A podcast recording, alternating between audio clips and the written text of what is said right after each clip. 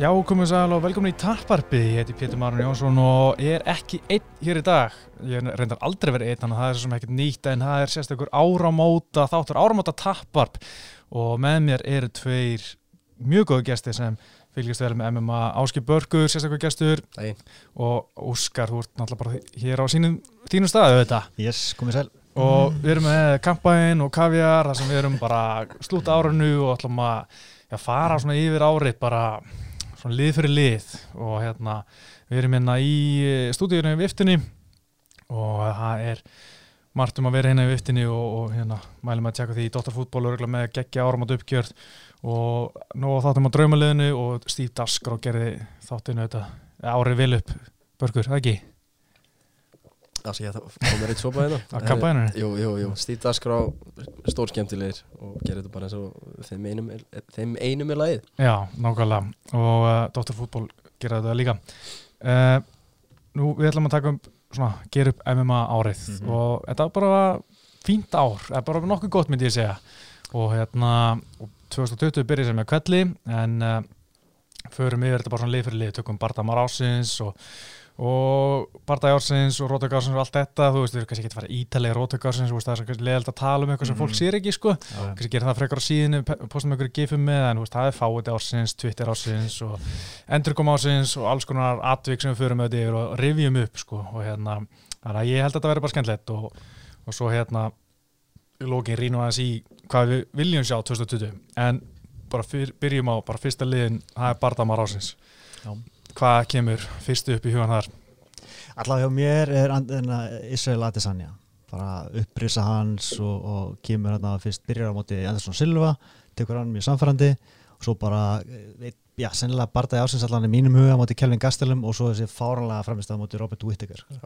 Þrýr sigrar, flotti sigrar, uh, teku titilinn, veist, og bara, já, það eru fleiri með, þú veist, þrjá sigra en ég held að þetta standi upp úr í mínum huga, sko. Já, veistu, ég er bara alltaf klísukent að vera sammála sko en, en, en, en það, er, það, er, hérna, það er erfitt að vera ósammála.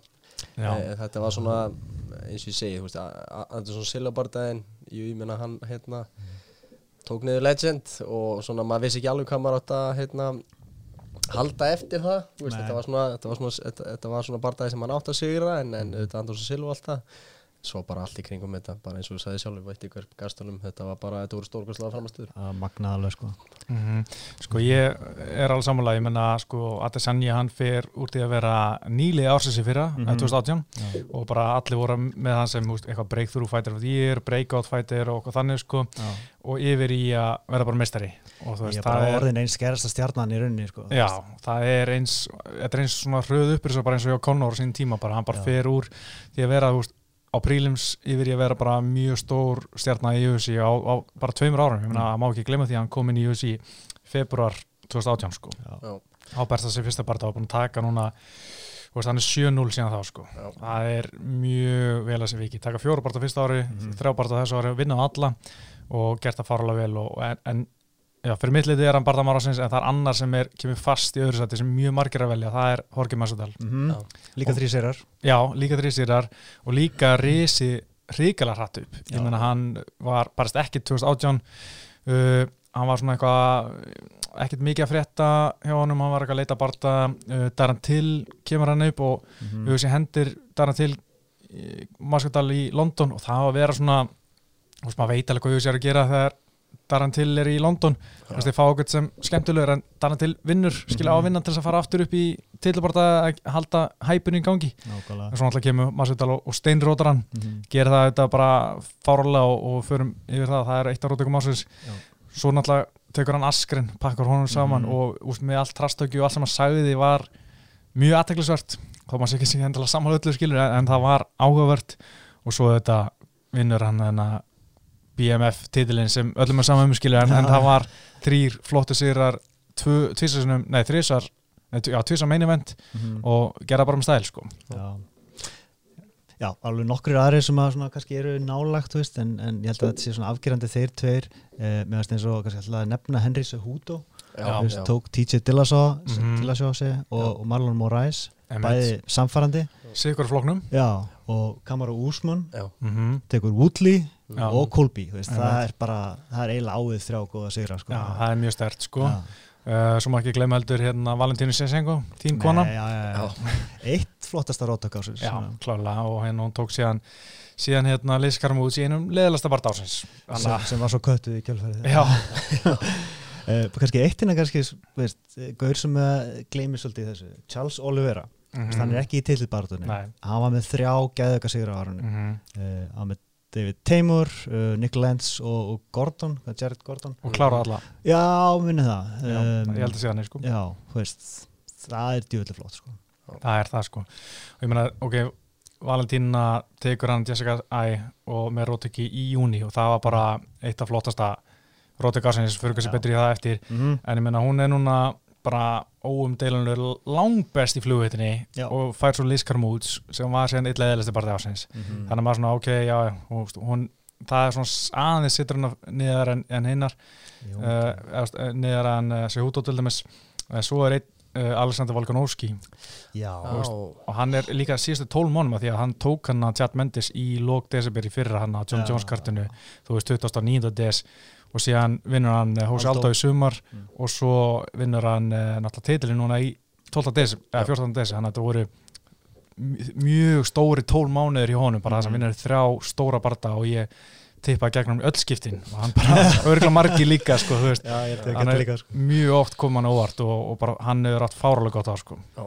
Ég, ba- ég samla því svona afgerandi ræs svona á, á, á, hans ferli einhvern veginn þetta, og bara til að setja punktin yfir í það var auðvitað Max Ólaug bara daginn og þú veist já, við höfum ekki séð Max Ólaug lenda oft í, oft í hérna svona kannski ekki vesinni en hann var bara svona nullaður einhvern veginn sem var áhugavert að sjá einmitt, hann átti ekki möguleika þannig svona, þetta var þannig að þú veist, ef þið berjast aftur þá ég þetta verið bara nákvæmlega eins. Já, Já, nákvæmlega eins og þú sagði, Pétur, þarna eftir gerum við það uppgjöri eftir, eftir, það, eftir það kvöld, þú veist.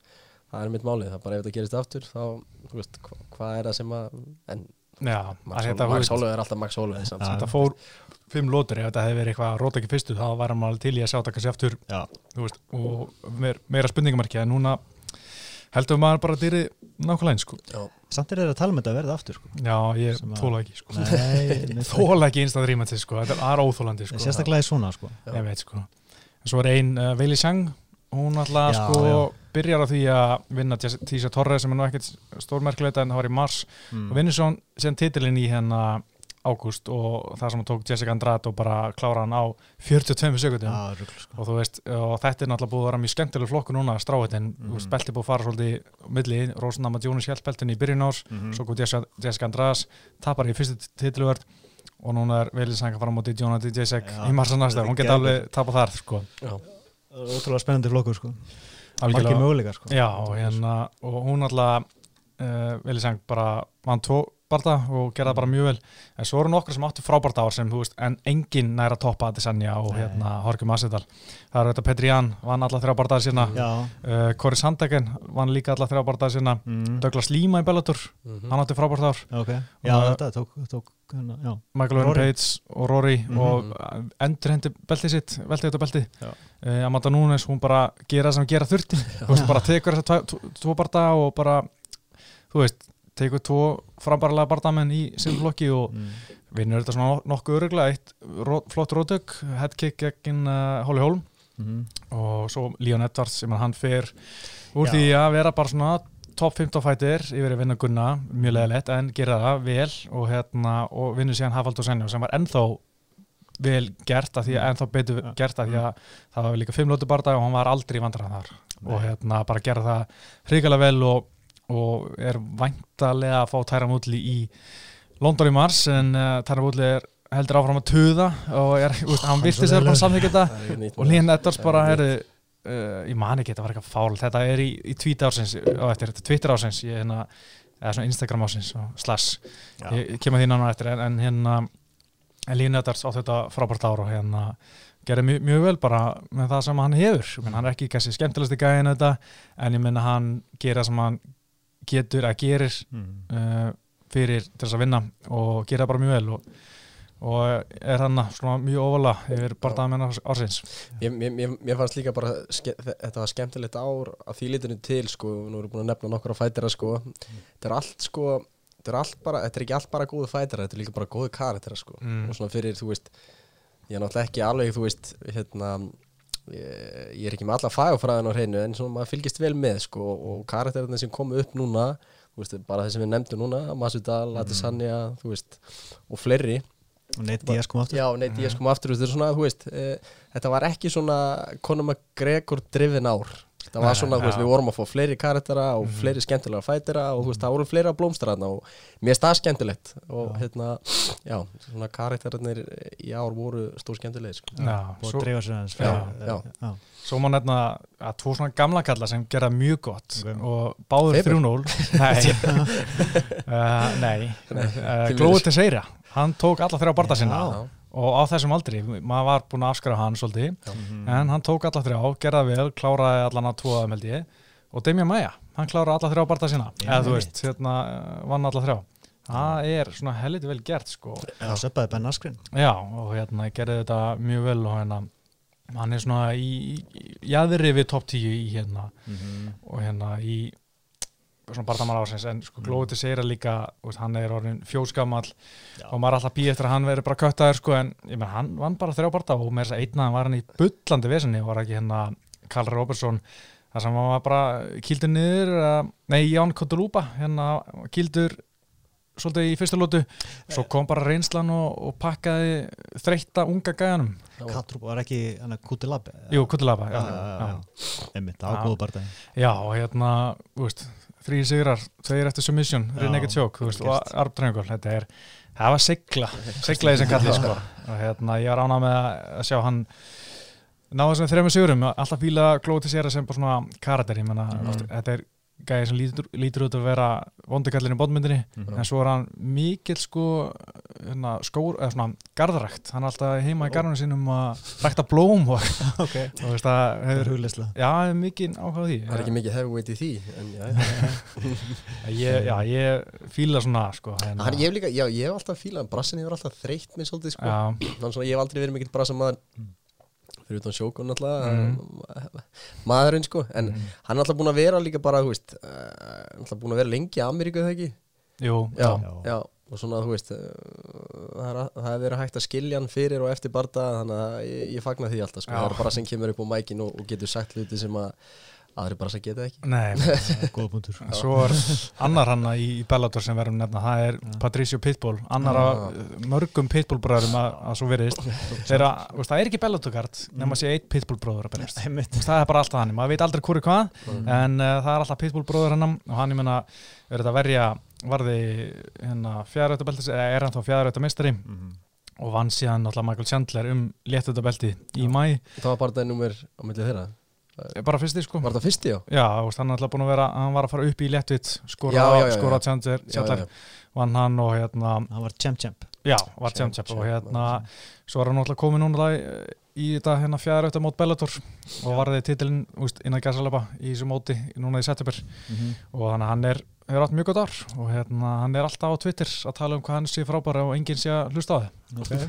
og hérna, hann er alltaf æfa með Henry Cejudo og hérna sem djöfulli leðilega gæja sem er með hann hana Erik Æ, hvað er hann aftur? Gæði með þjálfari. Já, já, já, já, ég man ekki hvað hann heitir. já. Ég meina, hann virðist vera að gera eitthvað gott já, Hann er með ságæði með Paulo Costa Henry Cejudo og Pitbull bræðunar Það er eitthvað það er eitthvað eitthvað í gangi þannig sko. Mm. En já, svo náttúrulega Engano, hann uh, þú veist, náttúrulega maður var semi búin að askra hann eftir þetta Derek Lewis dæmi í fyrra Mhm. vann svo Curtis, Curtis Blades í fyrra og svo í ár tók hann alltaf hún Dos Santos og Kane Já, gerði það mjög stert sko. Já. Já, hann, hann, hann átti gott ár en því miður fyrir hann þá var bara DC og Stipe bara ennþá að berjast og engin veit hvenær eða hvað, mun- hvað mun gerast þar en hann er bara eitthvað að býða En hann er að fara í Rosenstræk, eða ekki? Jú, jú, alveg alveg, alveg það er búið að bóka það. Já. það er í februar ekki. Já. Já, já, hann pakkar honum saman held ég. Já, Ætti að gera það Já, gaur viðbútt, já, Justin Gaethje. Já, já. Tók hérna uh, Barbosa og Cerrone Mhm. og er búin að koma sér upp í bara, þú veist, að vera næsti gaurinn í, í Khabib Ferguson. Já, sko. svo lengi sem uh, UFC hendur ekki Conor hana inn Já, já, það er alltaf- X-faktorinn sko, já, já, Já, já, sem trompar allt sko. Nei, hann var líka, þú veist, hann var svona einn af þessum karakterinu sem að koma inn sem mér fannst stór skemmtilegi, sko. Bara, veist, hann kom bara með eitt svona agenda. Það Bara, ég bara mætti alveg slást. Ég ætla að gera það svo oft ég get. og líka, þú veist, bætti sig, ég minna hann var ekki að fara í rosalegt stríð eins og var alltaf að gera, hann var svona aðeins róleri, aðeins hnitmeðari og náði samt rótt ekki í fyrstu lötu. Þú veist, Já. það var, tók aðeins minni skaða. Þannig að hann hefur greinlega tekið eitthvað svona smá skref í, í Froski, aðeinslega lengja fyrirlin Já, já, ég veit. það er ekki hægt að vera mörg ár svona eins og hann var á móti Michael nei, Johnson og félagum Já, Jesus, maður. Nei, meit, sko. En uh, þá kannski fyrir við í næsta flokk sem er þetta barndagi ársins og ég held að við séum bara sko, allir sammála um hver er barndagi ársins skulum aðeins býða með að segja hv- hvaða barndagi það er Mhm. en svona nokkur sem gott leikar reyna er þetta Dustin Poirier Max Holloway 2 Mm. Já, hann var góðu barndagi uh, Jól Romero og Paulo Costa Mm. geggjaði bara það mjög skemmtilegur, svona örugglega einn af besti svona þryggjalúti barndagi Já, uh, Úsman Covington, Mhm. hann var mjög skemmtilegur skemmtilegt bara fimmlótu stríð mhm. Og sem svona eiginlega stóðst alla vendingar þegar bífið var búin að vera svo ógislega langt og lengi og ljótt og hérna þeir gerði það sem við sögust alltaf að gera var að buffa okkur annan. Mhm. og þeir gerði það svo sannlega og hérna sem var, var bara mjög vel gert. Og náttúrulega Daniel Cormier Stípe 2 Mm. Já, hann var góður. Og hérna svo svona tveir barndar sem voru svona kannski besta lóta ársins, það var Robby Lawler Ben Askren. Mhm. það gerði svo mikið á sem bara tveimur mínútu sem barndar stóð yfir. Mjög skemmtilegt. Og Petro Múni og svo Koti Garbrand það var náttúrulega bara stríð. Þanga til Koti Garbrand letróta sig í veist þegar hann var að vinna gæðan og hann sá, sá raukt og misti sig og, og letróta sig. Hann bara næri ekki stjórnarskapinu sko. nei, en Nei. alveg sko. við ljótu þú allir vera, vera sammála um hver er besti barndagi ársins. Kelvin Er það ekki? það það bara, þegar það gerist ég bara gæti ekki trúið að eitthvað myndi topa það sko. Nei, ótrúlega það, sko. Alveg bara fimm lótu stríð já, og þú veist, ég minna þetta var svo fram og tilbaka það var 2-2, þú veist, í lótanum áður en Mhm. 15 lóta byrja báða búin að kýla eitthvað annan niður mhm, það var bara eins og einhver svona bíómynd sko, þú veist, og hérna var geðið ykkur bardagi Mhm.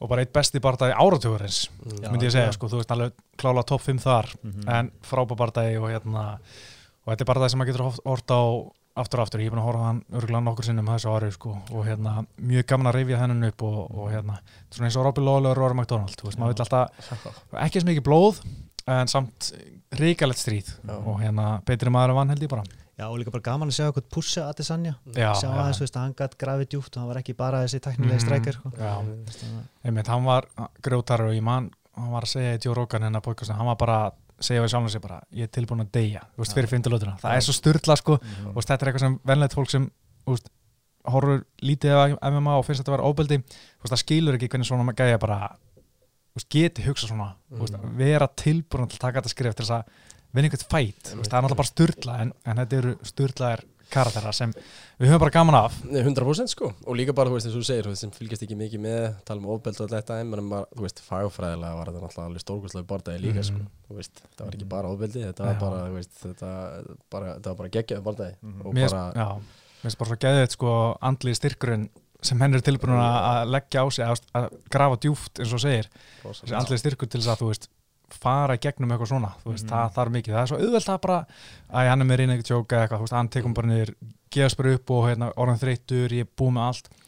Og bara leiða honum að vinna, þú veist, að því að maður er búin að því, en þú veist, þeir bara neituð að gefast upp báðir. Er, er, er ég einum það, þú veist, mér finnst Kelvin Gastelum alltaf koma mér jafn mikið óvart, þú veist, ég veit alveg að hann er góður, Mhm. þú veist, og þú veist, hann er náttúrulega verið í, í flottum bardum í gengum tíðina og, þú veist, maður, þú veist, tæknilega bara frábær fætir, en, en hann kemur alltaf jafn mikið óvart, veginn, Mhm. og í þessum barda, þá var ég bara, wow, hann er oft vannmetinn sko já, hann er það, sko, Já. hann var reyndar alveg bara, þú veist, ég held að eins og í Darren Tilbardaðanum Já. Mhm. þú veist, ég var búin að vannmeta hann eiginlega upp á þeim punkti en fyrir þann barda væri bara, ok, Kelvin er að fara að pakka hann saman Já, já, og já. einhvern veginn snýrist það við já, já, það Já. var hálfindi sko það er bara einhvern veginn svona, ég veit ekki, það er kannski svona karakterinn hans einhvern veginn, svona, þú veist, lá svona smá feitur, já, ég veit að svona, Óergur, sko. já, já, virkar ekkit svona eins og hann, þú veist, nennir rosalega mikið að æfa, sko, en hann hefur bara eitthvað talent, sko, Mm. já, en, ég meina, þú veist, hann er bara grjótarur mexikani Grjótharður Mexíkani, með harran haus. Það er bara Þannig er en uh, Róti Gársins, ég held að við sem allir saman um hvað er Róti Gársins það er en við kannski förum yfir það sem koma aðrið til greina.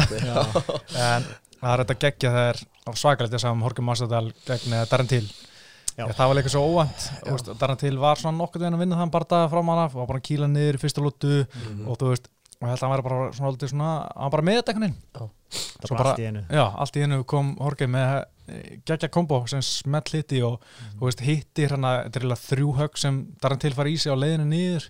Og veist, hann alltaf eitt högg sem við rótar hann og svo kemur annað högg á leiðinu niður og svo lendir hann alltaf harkalega í gólfinu alveg steinfrosin. Og þú veist bara hann lá hann að greiði svo lengi á uh, bakinu alveg steinrótar. Og það var svakalegt að sjá það með börum augum líka. Það var eiginlega ljótt sko. voru það á svæðinu? Nei, Ég var- þú varst á já. svæðinu, já.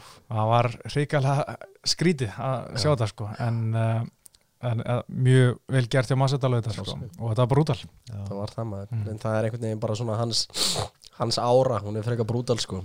Og Já. bara, þú veist, Mhm. fleiri rótök sem hún kemur og glínu eftir komst aðeins inn á hann en, en mm, bara þetta rótök var svakalegt sko. Já, það er bara stiff einmitt Svo var vingun þín uh, Valentína gegn Ú. uh, Jessica Ai. það var svo fallegt það var svo bara já.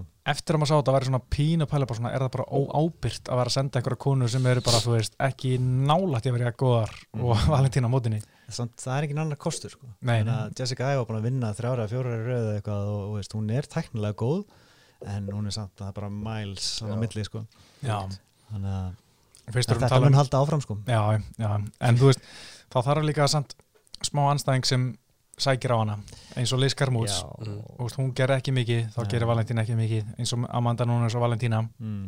það var svona frekar leðileg partæði þannig að við þurfum bara einhverja, einhverja hunda í hana sem vaði í hana til að fá bestu útgána af Valentínu Já, ég hef ekki mikla trú á Jacuzzi eða hvað heitir hún? Catelyn. Já, hún er svona, svona stick and move fighter. Já, veit sko. Veist, sem að kannski býður upp á mögulega leðilega barða aftur. Já, getur verið sko. Ég- en En uh, já, svo var uh, Johnny Walker og Misha Sörkunov tók svona Ó, fljúandi nýjum. Það var rosalegt sko. alveg Johnny Walker er náttúrulega eitt sveiflu kendast ár sem ég hef, Já, bara í- stjórnuðinu já, náttúrulega tók tvo bardaði fyrir það, Mm. bara með mjög skömmum fyrir það svo tók hann uh, Misha Sörkunov núna hvað það hafi ekki verið í mæ eða eitthvað, eða mars. Já. og uh, rótaði hann í fyrsta lótu. Og svo meittist hann í fagninu og var svolítið lengi frá. Kom sér tilbaka og hérna tapa fyrir Kåre Andersson þannig að hann átti mjög sveiflukent ár hann Johnny Walker. Kannski bjánalegasta move ársins. Já, ég held að það sé klárt mál sko, Já. er, er bjánalegasta múf já, þetta, þetta fagn var náttúrulega svakalegt sko. Meittist á öxlinni við að taka einhvern orm hana. Margra mánuða meðsli Já. greiði kallinn sko. en, uh, en hann átti flottur átökana en svo var líka geggja Jessica András gegn Rosamund Jonas þegar hún liftir henni upp og bara slammar henni það var rosalegt sko. já, mér fannst það eiginlega, ég var hálf bara full þegar gerist eitthvað Mhm. þegar að Nama Júnis var að vinna samfærandi og var svo flott.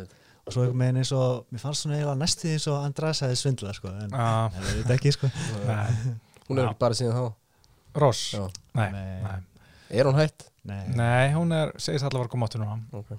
Ég get alveg síðan að fyrir mig vinna fleiri barða en, en svo er eitthvað svona við hana ég held að hún vilja þetta ekkert svakalega mikið sko. Hún kannski ég held að hún, ef hún væri belt, beltin aftur held ég að hún sé ekki að það var að halda það eitthvað lengi hún er bara svo mikil hérna, eh, hún er með eitthvað svona silent assassin vibe yfir sér Já. sem, Mhm. bara ég, ég er ennþá með af mér, ég, mér dreymir það stundum þegar að hún stóð á móti Jóönnu Mhm. þegar voru að skvera off hérna fyrir bara, já, fyrir seinasta bardaðan þeirra og hún var eitthvað að tala við hann og hún stóð bara og horfði á hana og voru að fara með einhverja möntur eða eitthvað svona dæmi sko, veist ég bara þú ert hættuleg manneski sko Mhm. alveg skeri sko. já, mjög skil sko Já, mjög skemmtilegt sko. og bara geða ykkur fætir sko. Jú, er það sko, þess að við bara fá hann aftur sko. Já, nákvæmlega sko. gaman að sjá hann á móti veili í tjeng sko. Mhm, Algjörlega. Uh, Kevin Lee, ég mátti Gregor Gillespie. Já, Það var brútal, það var líka svona semi-comeback því að þú veist, það var mjög margir að tippa gegn Kevin Lee. Já, já, klálega eitt að comebackum ársins sko. Já, Hann, og hann bara steinrótaðan og, og bara Mhm. leit virkilega vel út uh, bara á þessum tveimur mínútum sem þetta endist og, og greiði Trump bara Kevin, nei hérna Gregor Gillespie, hann var bara þú veist, andliti á hann þegar hann var svona steinrótar þetta er svona Rashad face það var frekar slæmt sko. Já, þetta var svona með því verða sem að sér sko en svo þetta er svo var hann tala um á hann Amata núna eins og Holly Holm, hún Mhm. headkickaði Holly Holm, Mhm. það var örgulega pínu skrítið fyrir Holm já, eftir að, já, það var svona hennar trademarks Já, Já, einmitt, signature sko. já. já. já. en uh, og svo náttúrulega sko, Anna headkick uh, Alexander Rakic gegn Jimmy Manua það var í júni í Svíþjóð að og þú veist, ég man, sko, því. sá þetta ég bara please ekki vera döður ég bara hugsa, þetta var svo brútal hann fekk bara sköflungi bara beint í hausinn tími mann og, bara datt svo ógeðslega svona brútal bara beint á bakið og hérna lá lengi og bara ekki verið döður, ekki verið döður, ekki verið döður þetta var í beinu útsendingu og, pínum tíma, sama tíma og úsleituleikurinn í meistaradeldinu var sko, Anna, en þetta var rosalegt rótug sko og hérna en Jimmy mann á þetta, hann var að lægi þannig sé eftir þetta og, en, en hætti sem betur fyrr Já. og bara ákvaða að leggja hans konar hillanu sem var bara mikið heilla skref fyrir hann Mhm. en hann satt eitthvað duglegur á Twitter núna sem er pínu óþöld að hann var að tala um eitthvað að að enginn sem gæjum í léttangu eitt skemmtilega lengur ég þarf að fara að koma aftur maður bara svona, nei, nei, nei, nei, þú þarft ekkert að ekkert að gera það. En um, Þú ert ekki það skemmtilegu sjálfur sko Þannig að þetta er Já, allt í góð Jimmy Mann var hann ekki var að gera sko. hann var ekki að gera, en bara, þú veist Ég var aldrei big fan sko. Nei, ég var aldrei, ég var aldrei fan heldur sko. Það var einhvern veginn svona, ég veit það ekki. Come on, Það sko. tók stundum svona flott múfi eins og Já, hann var- þetta er Corey Anderson geð flott. Já, ég meina, hann var annarkvort rótaður eða rótaði eitthvað nýtla. Já, já. hann byrjaði, ég meina, hann byrjaði e- í MMA 28 ára gamall, mm. UFC þú veist, tveimur ára setna já. og veist, þetta var bara þvílít þvílíkur raw athlete. Ef hann hefði byrjað fyrr, byrjað fyrr tjóðlega er gaman að segja, hann hefði verið Pítur mig, það er ekki defu hefði já, ég veit það, en þú veist, bara, ég meina, Það ég, fíla hann, ég meina, ég hef alltaf fíla hann. Það er gaman að sjá hann út í Jones þá. Já, ég held samt að hann hefði ekki átt séns, sko. Ekki séns, sko. Jimmy Mann hefði bara pakkað hann saman, sko. Nei, ég segi einu svona En uh, já, já, Jimmy Mano, ég vona bara að hann haldist, Mm. haldi sér hann í, í Og Twitter bara Já, já, Twitter bara En svo var annað mjög brutal rótug sem uh, var svona, veit ekki hvað, svona pínu bittersweet Mm. Jan Blackwoods þegar hann rótaði Luke Rockhold Já. og veist, það var svo brutal í, veist, ég veit að Rockhold er ekki skemmtilegur hann er kokki, hann er frekar astanlega gæði Mhm. en ég er bara vorkið hann pínu við að sjá þetta, þú veist, ég menn hann er þú veist, búin að vera rótaður svona illa áður Mm. og búin að vera í kjálka aðgjör áður og braut kjálkan aftur hann er bara svona, ah, greiðir okkar maður Þetta var frekar fyrir sjáanlegt sko. Mér fannst það líka Já, Já. bara beðið eftir þetta myndi gerast sko. Já. og bara liða þetta á tilkynnt Já, bara, jæks sko. já, já, ég tippaði á Rockhold, ég hafði trú á hann sko. ég held að hann var að fara að gera góða hluti hann í lettangveitt en, en Jú. Blackwoods bara eðilega hann Mhm. Út af við erum að tala um rótök ásinn sko, ég held að ég sko, þú veist, maður, maður tengist þessu sporti svo tilfinninga, tilfinningarlega oft sko, þú veist, Mm. maður fer að hata menn og þú veist, maður fer að elska menn og allt svo leiðis Já. En ég næ einhvern veginn aldrei að koma mér á þann stað þegar menn eru bara svona bara rótaðir, bara steinrótaðir, ég næ aldrei að koma með þann stað bara djúvel gott á hann maður. Nei, þetta er ekki gott á neitt sko. Nei, ég veit Maður að ég, ég hugsa alltaf einhvern veginn bara Jesus Christ maður. En svona eins og þegar Hvað finnst þér eins og þegar Kolby er kjálkabrótin Mér finnst alltaf veist, hann var ekki svona rótaðir, þú veist, hann var bara svona, hann var svona skart for, ekki live, en hann var svona aðeins skart for í smá tíma, skiljum þannig að, og mér finnst bara, í því var bara, kjálkabónutin, Mhm, já. hann notar kjaftin á sig meira, hann notar hendur á sig, basically, sko, þannig að það var svona, jú, það var svona, ég veist, ég, hafa alveg smá svona gott að það hjá mér, sko, en ég meina, maður ma, ma, ma, ma, ma vill helst að allir komist heilir út úr þessu, og hérna, en þetta er, já eh, með Kolby, jú, jú, það er bara gott að hann get ekki, get ekki talað í Já. einhver tíma sko. Það er tágrænt svona. Já, já, að þakka niður í já, þetta er betur sko en rótug ársins, það lítur að vera bara eitt Já, já, ég meina, það er bara Masvidal og, og Askren sko. Það er bara rótug áratugur meina, það er bara að maður aldrei sína eitt eins brútal á þetta, bara eftir fjóra sekundur eða þrjá sekundur að hitta með svona Já. fljúandi nýja og þetta var ótrúlegt þegar maður sá þetta sko. bara Setti met lýgilegt. náttúrulega. Já, já. hvað var þetta, Morgar Sig officially 5 sekundur en þú veist, hann hitti eftir þrjár og svo tók Já. dómarinn já, þú veist, sem voru super necessary já, mjög necessary Já. já, já, já. Ein, sko, þú veist, og líka bara, þú veist, þegar maður hérna, ég veit ekki hvort að eh, kannski er ég bara búið þetta til en, en mér minnir að, að hann hafi verið tekin í eitthvað viðtal og tekið eitthvað svona, smá breakdown á þessu rétt eða, munið eitthvað eftir því mm, mann ekki alveg Nei, nei, nei, allavega, þú veist, bara horfa á þetta á róttök, þú veist, ramma fyrir ramma þú veist, frá Mhm. því að hann stendur upp í búri og frá því að hann hoppar og, og veist manni finnst þetta að vera svona, þú veist bara, þú veist þetta var svona bara, bara ef ég fer úr í, í minn heim, sko, bara taktist upplegg já, þetta var bara skipulagt sko. tíu, já, og, það var búið að sína hann æfa þetta undan. já, einmitt, sko. einmitt. bara hlaupa að svona gaur með patt sko. Mm, já, þetta var hendur fyrir aftan bak brosandi og, þú veist, þetta var bara, þetta var styrlað, sko. Þetta var ruglega sko og hérna ég bara ég vona allan að hann fái stóra barða á næsta ári. Já. Jafnvel bara, úst, mér er svo sem þannig sér sama hvort hann fari í úsmann eða ekki. Ég held að úsmann vinna hann. Já, En- ég, held að, ég held að mér sagði þið leðilegu bara Já, ég, held- ég er ekkert svo spenntið fyrir því sko, en ég væri, ég held að úsmann, nei hérna Masvidal og Conor, ég held að það sé bara lang skemmtilegasta sem Já, UFC getur búið upp á næsta ári. Já, og millir svona, þú veist, mér er alveg sama hvort sé létti við þetta, velti við þetta, whatever. Mhm. bara, þú veist, það er engin við erum ekkert að fara að vinna belti í veltuveitt. Og Conor ekki að vinna belti í léttvitt þannig að bara látum þess að gæða berast Þetta veldur svolítið á því hvernig Conor lítur út núna 18. Já, sko. vissulega, já 100% sko. Þannig að ef hann er flottur þá er það bara Mhm. borlíkandi sko. Já, einmitt, sko, það var mjög ávart, sko en, uh, er kannski eitt rótök sem hún nefndir ekki uh, Pettis sem átti Stephen Thompson já, jú Það var svakalega, sko, óvænt líka mjög óvænt, náttúrulega Pettis var bara uh, að tappa Já. og síðan voru tíu sekundur eftir að annar lótu og hann tekur þetta fljúandi Superman högg Mhm. sem Stein Rótar Thompson, svo fyrsti til að klára með Já. sko. og það var, það er ansa magna Það er mjög magna sko. og bara eina einmitt góða, hérna, ein af endurkumum ársins, Já. má, má segja sko að þeim var að skítapa Mhm. Já, líka bara, þú veist, maður held einhvern veginn að Pettis væri bara, þú veist bara búinn Já. Já, ég veit ekki, já, þú veist, það var svona sko. allt það var svona allt við hann einhvern veginn sem að maður, þú veist, en, en, en einmitt, hann var að fara upp í veldi Já. ah, skilja var, hann var bara að ströggla með sjálfan sig, sko Já. en ég meina, þú veist, hann er bara, þú veist hann er það svona hann er það gifted fighter að að- ég leiði mér að sletta, sko að- að- vonandi fá að sjá hann í einhvern tíma í viðbót, sko, og hann finnir bara sinn flöt, sko. Þannig að hann er þetta, þú veist, og hann ekki að fara að berjast núna á konokortinu Jú, jú, mitt fyrir er að já, já, já, já, já. akkurat. Já, Þannig að- sko ég sé bara með Pettis bara sko ég held að hann hérna Doug Rufus var svolítið að tala um þetta. Ég veit ekki alveg hvert ég er að fara með þetta en Doug Rufus var að tala um þetta, hann var í kickbossi byrjaði náttúrulega að skeppa tvítur eitthvað. Að þá var hann reyður ungu maður. Síðan þú veist bara eignast hann konu og fæ pening fyrir að kickboxa og þú veist verður bara hamingsamur það er miklu erfið að berjast, þú ert bara hamingsamur vel giftur, þryggjabata fæðir og ert bara einhver fjölskyldufæðir og þú veist þetta er bara meira vinna heldur en eitthvað svona ég verða gera þetta. Já, eitthvað svo leiðis og hérna, ég held að það svolítið verið þannig með Pettis. Og ég meina, hann var líka svolítið reyður ungum maður, ég meina pappas var myrtur held ég, allan að dó þegar Mhm. þeir voru ungir Pettisberðinir og þeir fyndu smá hugun í bardæðitrótum og svo bara verða, verða Pettis mistari á hana Vítís morgankotinu og allt það. og svo bara næra hann aldrei sama dampi skilur, ég held að hann verði bara of hafingisamur skilur, þú veist, og bara of sáttur og hafingisamur á svona hungur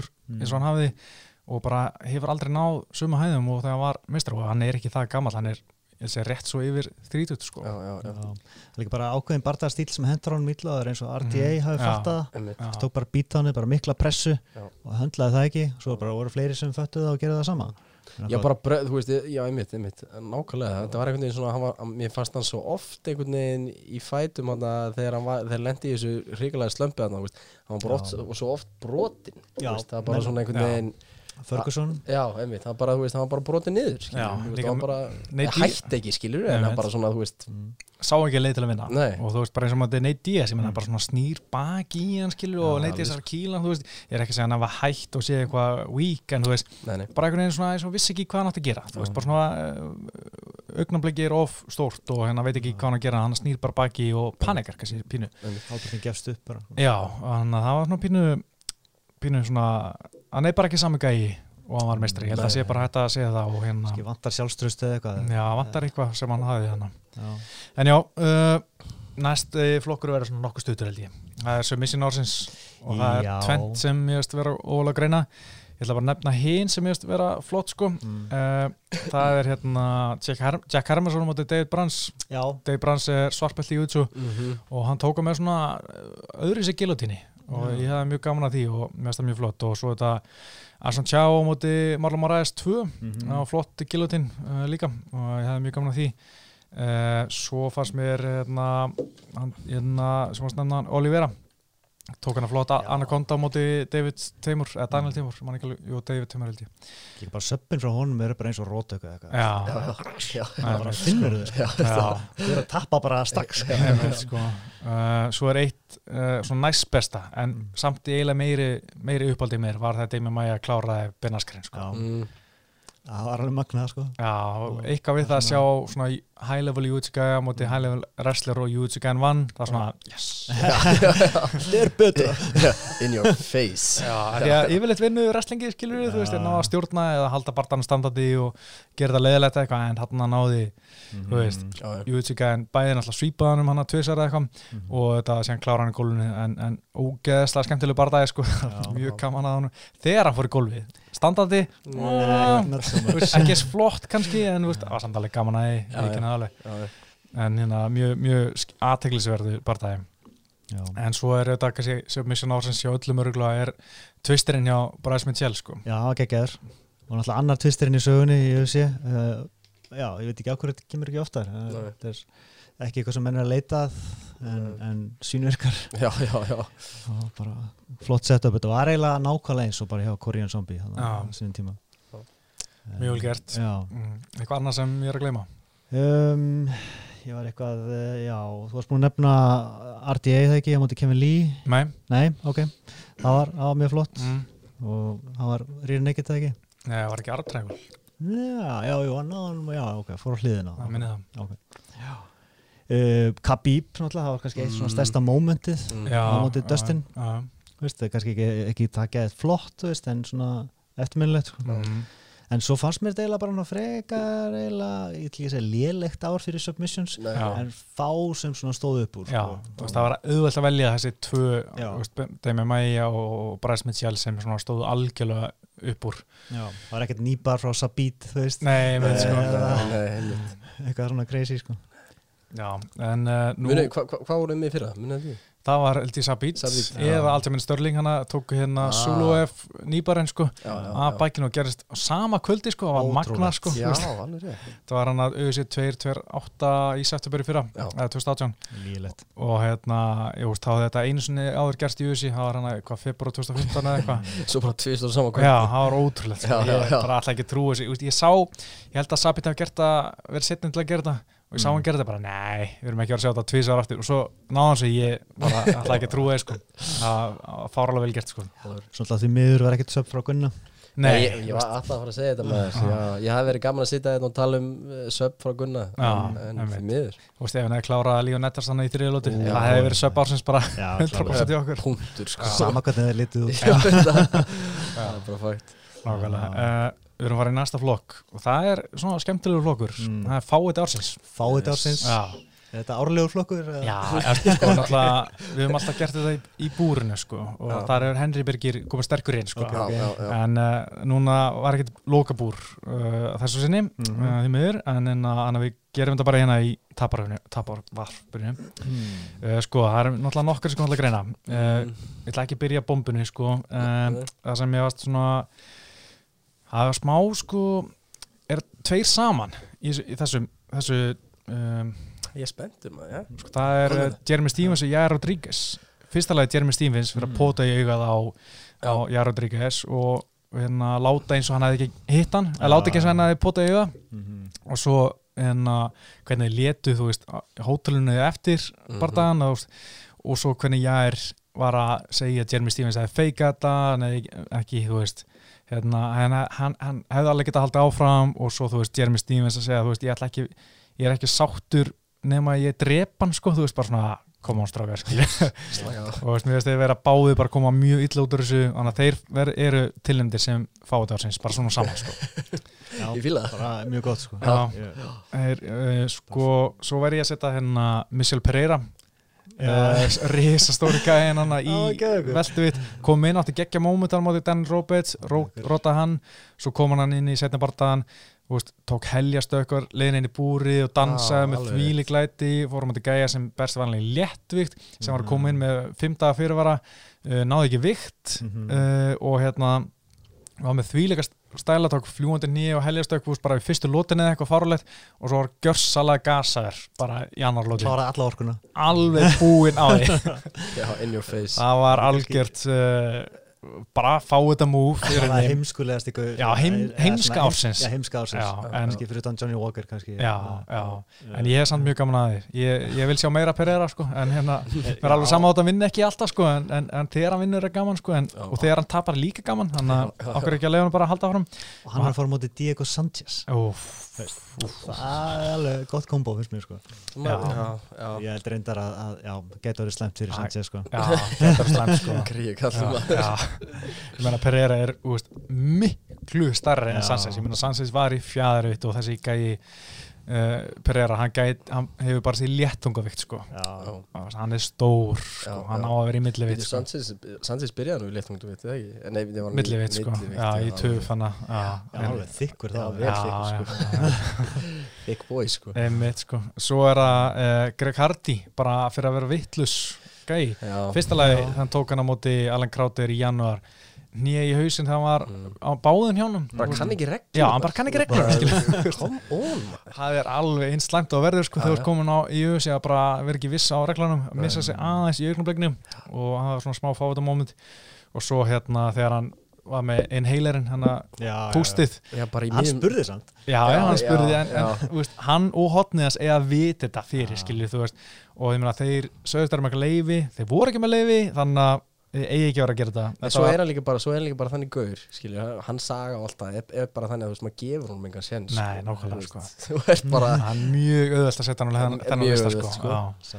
Uh, svo er það TJ Dillasjó náttúrulega sko ok, fyrst alveg hann leti sér niður í flugu mm. tekur þvílitt á sig rótar eftir 32 sekundur og töðar og töðar og töðar eitthvað það var ósangjant, það var, var tekið frá mér og ég átti skilja að berjast lengur, það var ósangjant og dómar var ekki að gera þetta vinnu og bla bla bla bla, bla og svo fellar hann þú veist Já. fyrir EPO, bara eins bleitant og viljandi Já, og verður, hann var bara bókstala að sprauta rusli á sér í rassin Þú veist, hann var ekkert eitthvað svona óhrind uh, fæðubótarenni Nei. hann var bara viljandi að gera þetta og hann viðkita og bara já, hann er bara að fá þetta ársins.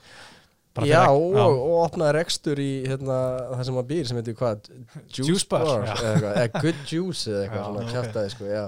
Þú veist þannig að já, já ég hérna, hafði ekki hugsað ég, ég hafði ekki hugsað TJ Dillasjó en hann er kemur vel til greina sem Já, það er sko. sko, að, þú veist, ok, það er eitt að falla liðaprófi en þú veist, bara þetta töð hjá honum eftir Mm. að hérna tapaði uh, barðanu, hvað það var ógisla ósengjand og hvað hann bara rændur og, og hann bara brotnaði niður Já, og hann, hann bara, ég hef bara skilið rímans bara núna Já, og þú veist bara já. dómar hann á ekki að fá vinnu áttur hérna og, og svo bara, þetta hann liðbröð það er bara fá þetta múf en mesta fá þetta múf ársins sko, það kemur ekkert allir greina það er auðvitað Conor McGregor Mhm. þegar hann kýldi gamla mannin hann á partu. Hann vildi ekki taka proper 12 skot. Það er ekki annað hægt. Þetta er bara óskiljanlegt sko. Local var þetta ekki bara local pubin eða eitthvað? Jú, Bara, eitthvað gammalt kall sem er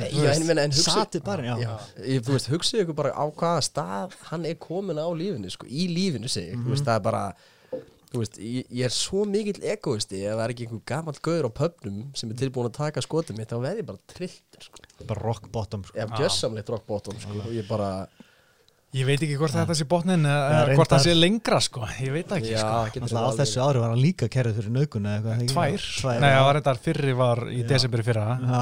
en samt þetta eru tvær nöðgunar ásakanir á 13 mánuðum Já. þú veist, það er ekkit, ekkit brjálagslega gott sko. Hann er fóti Já, hann er fáið, þetta er bara fakt, sko.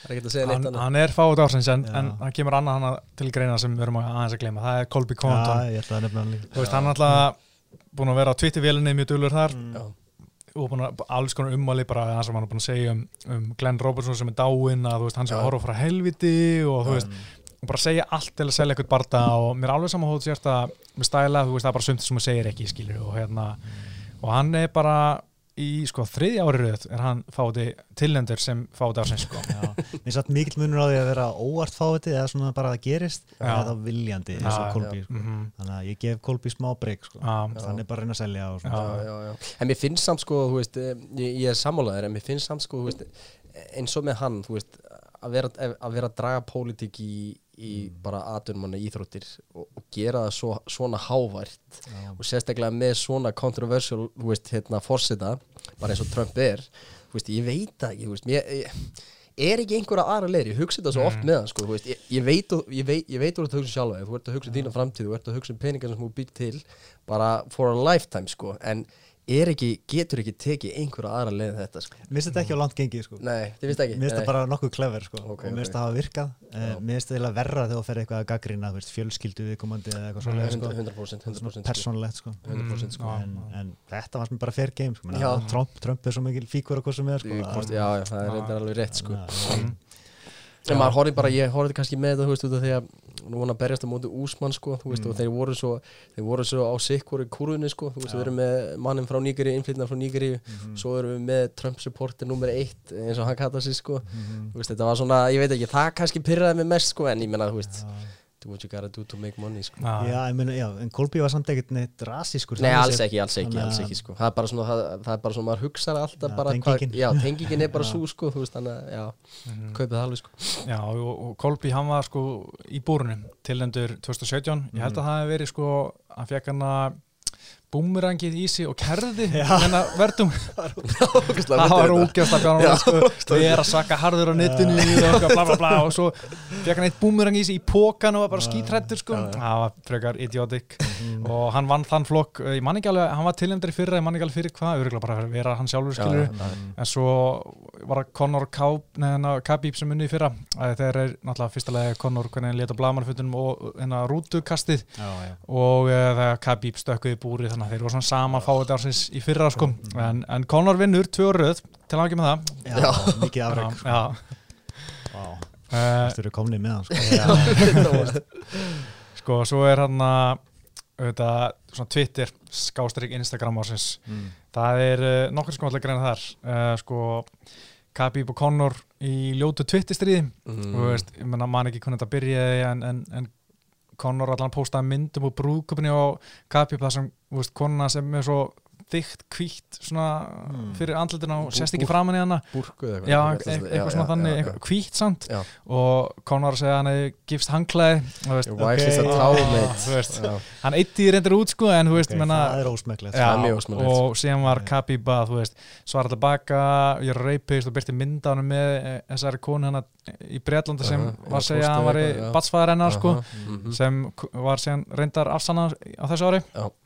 Mikil sigur fyrir Conor þar Mm. en hérna svo var og svo voru þeir bara fram og tilbaka að kalla hvort annan bara fáralegu nöfnum og, og þetta var það ljóta að Dana White og UFC sendi frá þessu yfirlýsingu bara strákar vinsalast hætta þessu núna þeir eru konin langt við streiki og þetta er ekki okkar við og þetta er ósmekkleit og, og ég aldrei sé þetta áður að UFC sendi frá þessu einhver yfirlýsingu að tveir eru eitthvað bíf á, á, á netinu sko. Nei, nei. það var svona, fyrir mitt leiti svona Twitter ásins Mm. og hérna, þetta var fór svolítið langt sko.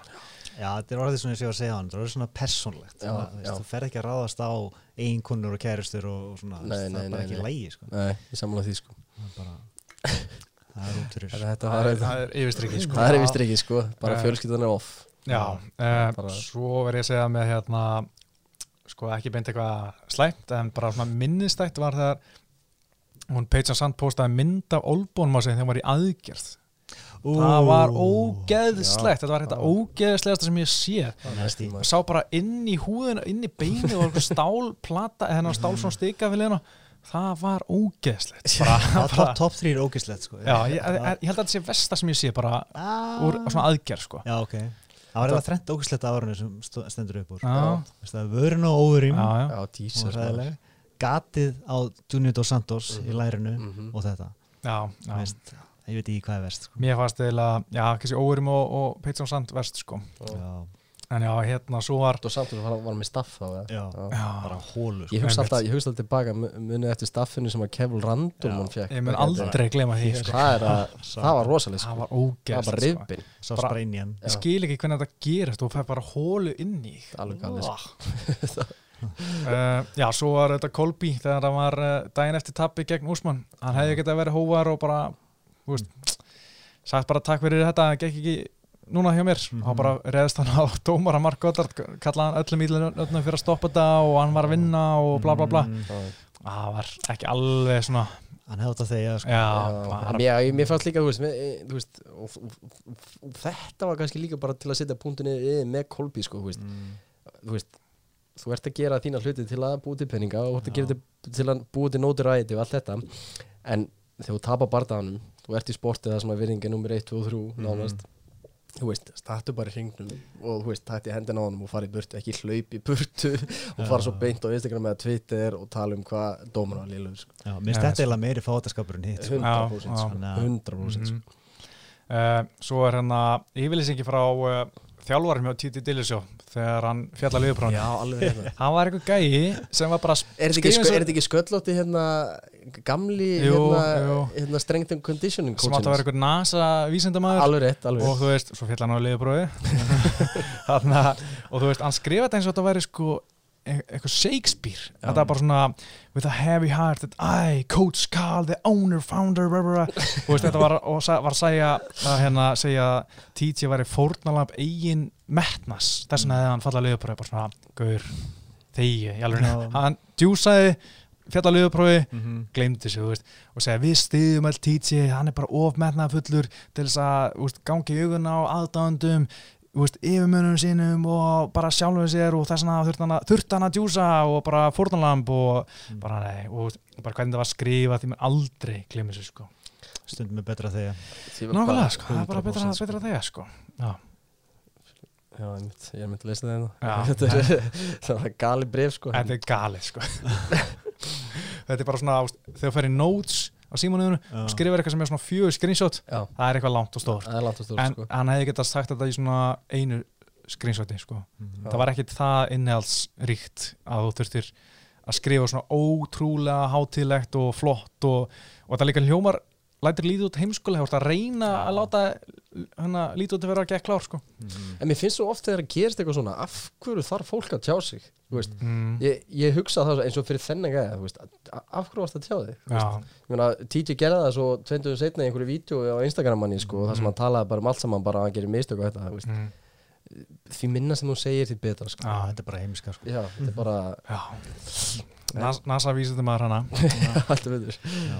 en uh, kannski þess vegna er hann fyrrum vísum Fyrir vísum Já. það Nei, Fór, ekki til tónsins Já, er, svo er næsta flokkur. Eh, Hver finnst ykkur vinna þetta? Er ykkur sigurveri? uh, Sko, Instagram, Twitter ásins Já, Þetta er erfitt sko. Ég sko, ég eiginlega bara, þú veist Ég hef búin að gleyma þessi brefi frá NASA vinstamannum Þú veist, fyrir mína parta ég, ég held ég, ég bara mitt vótir þar sko. Já, já. bara, Já, ég hef ekki skoður Ég Nei. ég man ekki nógu vel þessi tweet líka. Næst bara er árið og allt þetta. Ég, ég, ég skoði þetta ekki og pæli ekki í þessu. Ég, hugsa bara um bardanar Já, já. Sko ég var að velja Khabib Conor bara sérstaklega því ég auðvitað á hvað stíga inn og segja mönnum að hætta þessu, þú veist, ég aldrei séð það áður, mér finnst Já, það- mér finnst það áhört.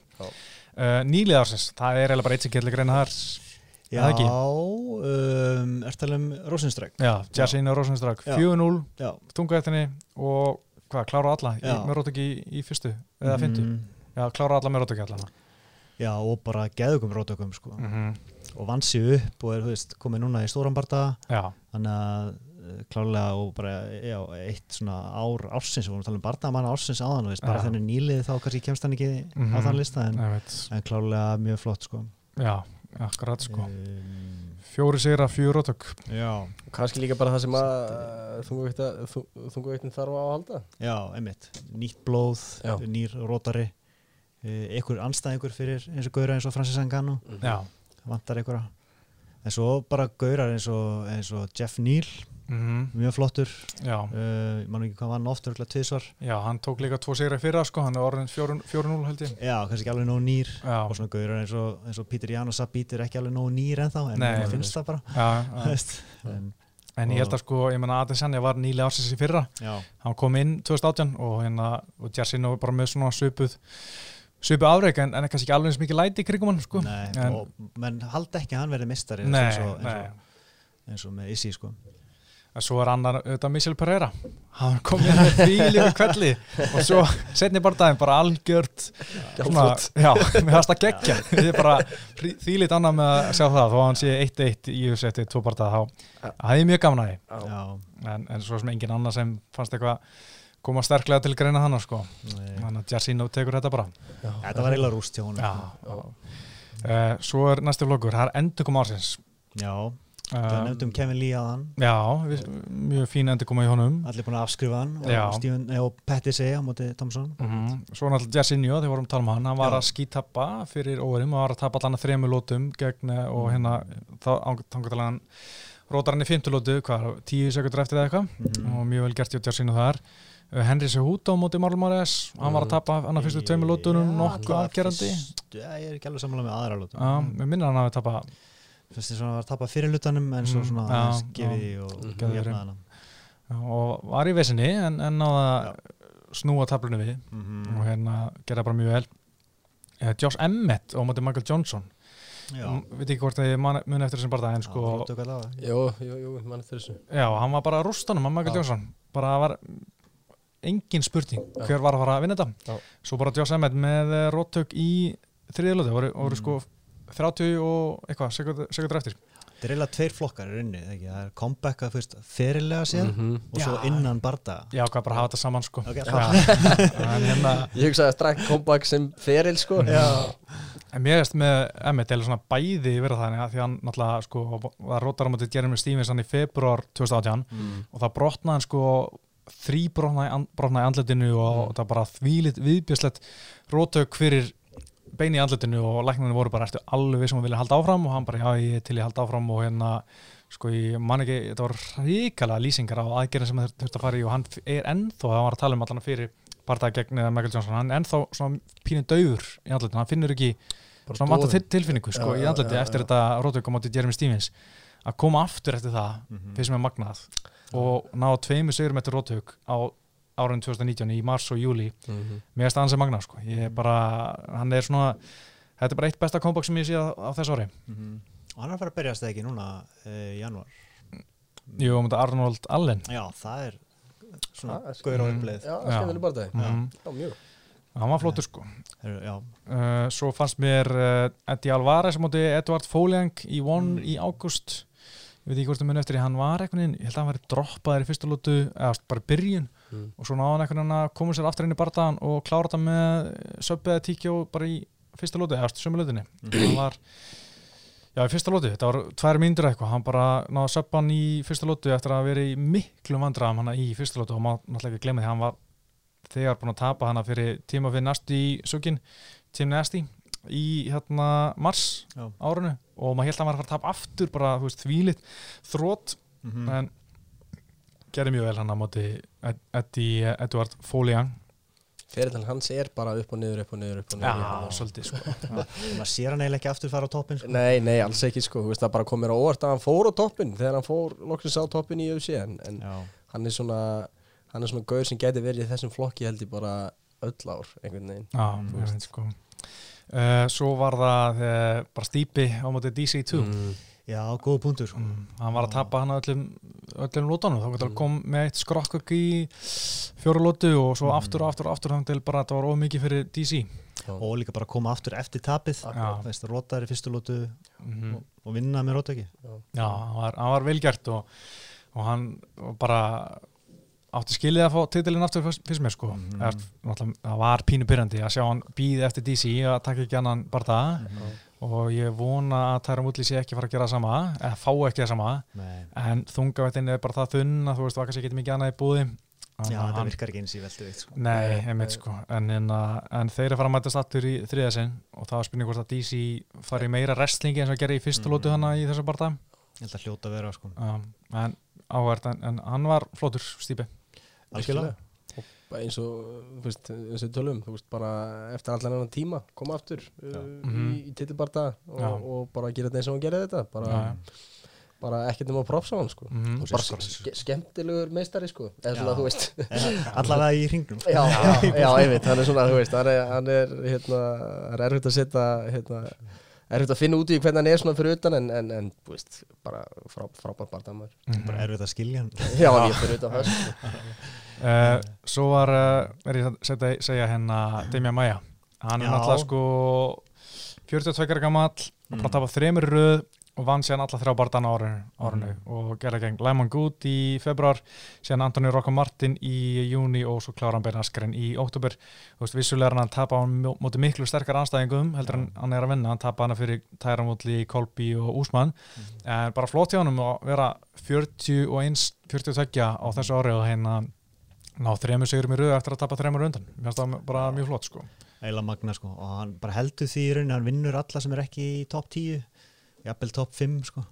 Og, en þú veist hann næri ekki að vinna þá toppgöruna en geðið flott sko. Held, Mhm. held, heldur sér relevant. Já, einmitt, sko. heldur svona sínu striki bara í rauninni. Mhm. Já, mér finnst eiginlega engin svona koma vera 100% endur koma ársins. Ég ætla bara að segja Josh Emmett. Og ég er með tvo aðra sem hann endur ekki bara ok. svona, sem svona fyrirlega séð. Mm.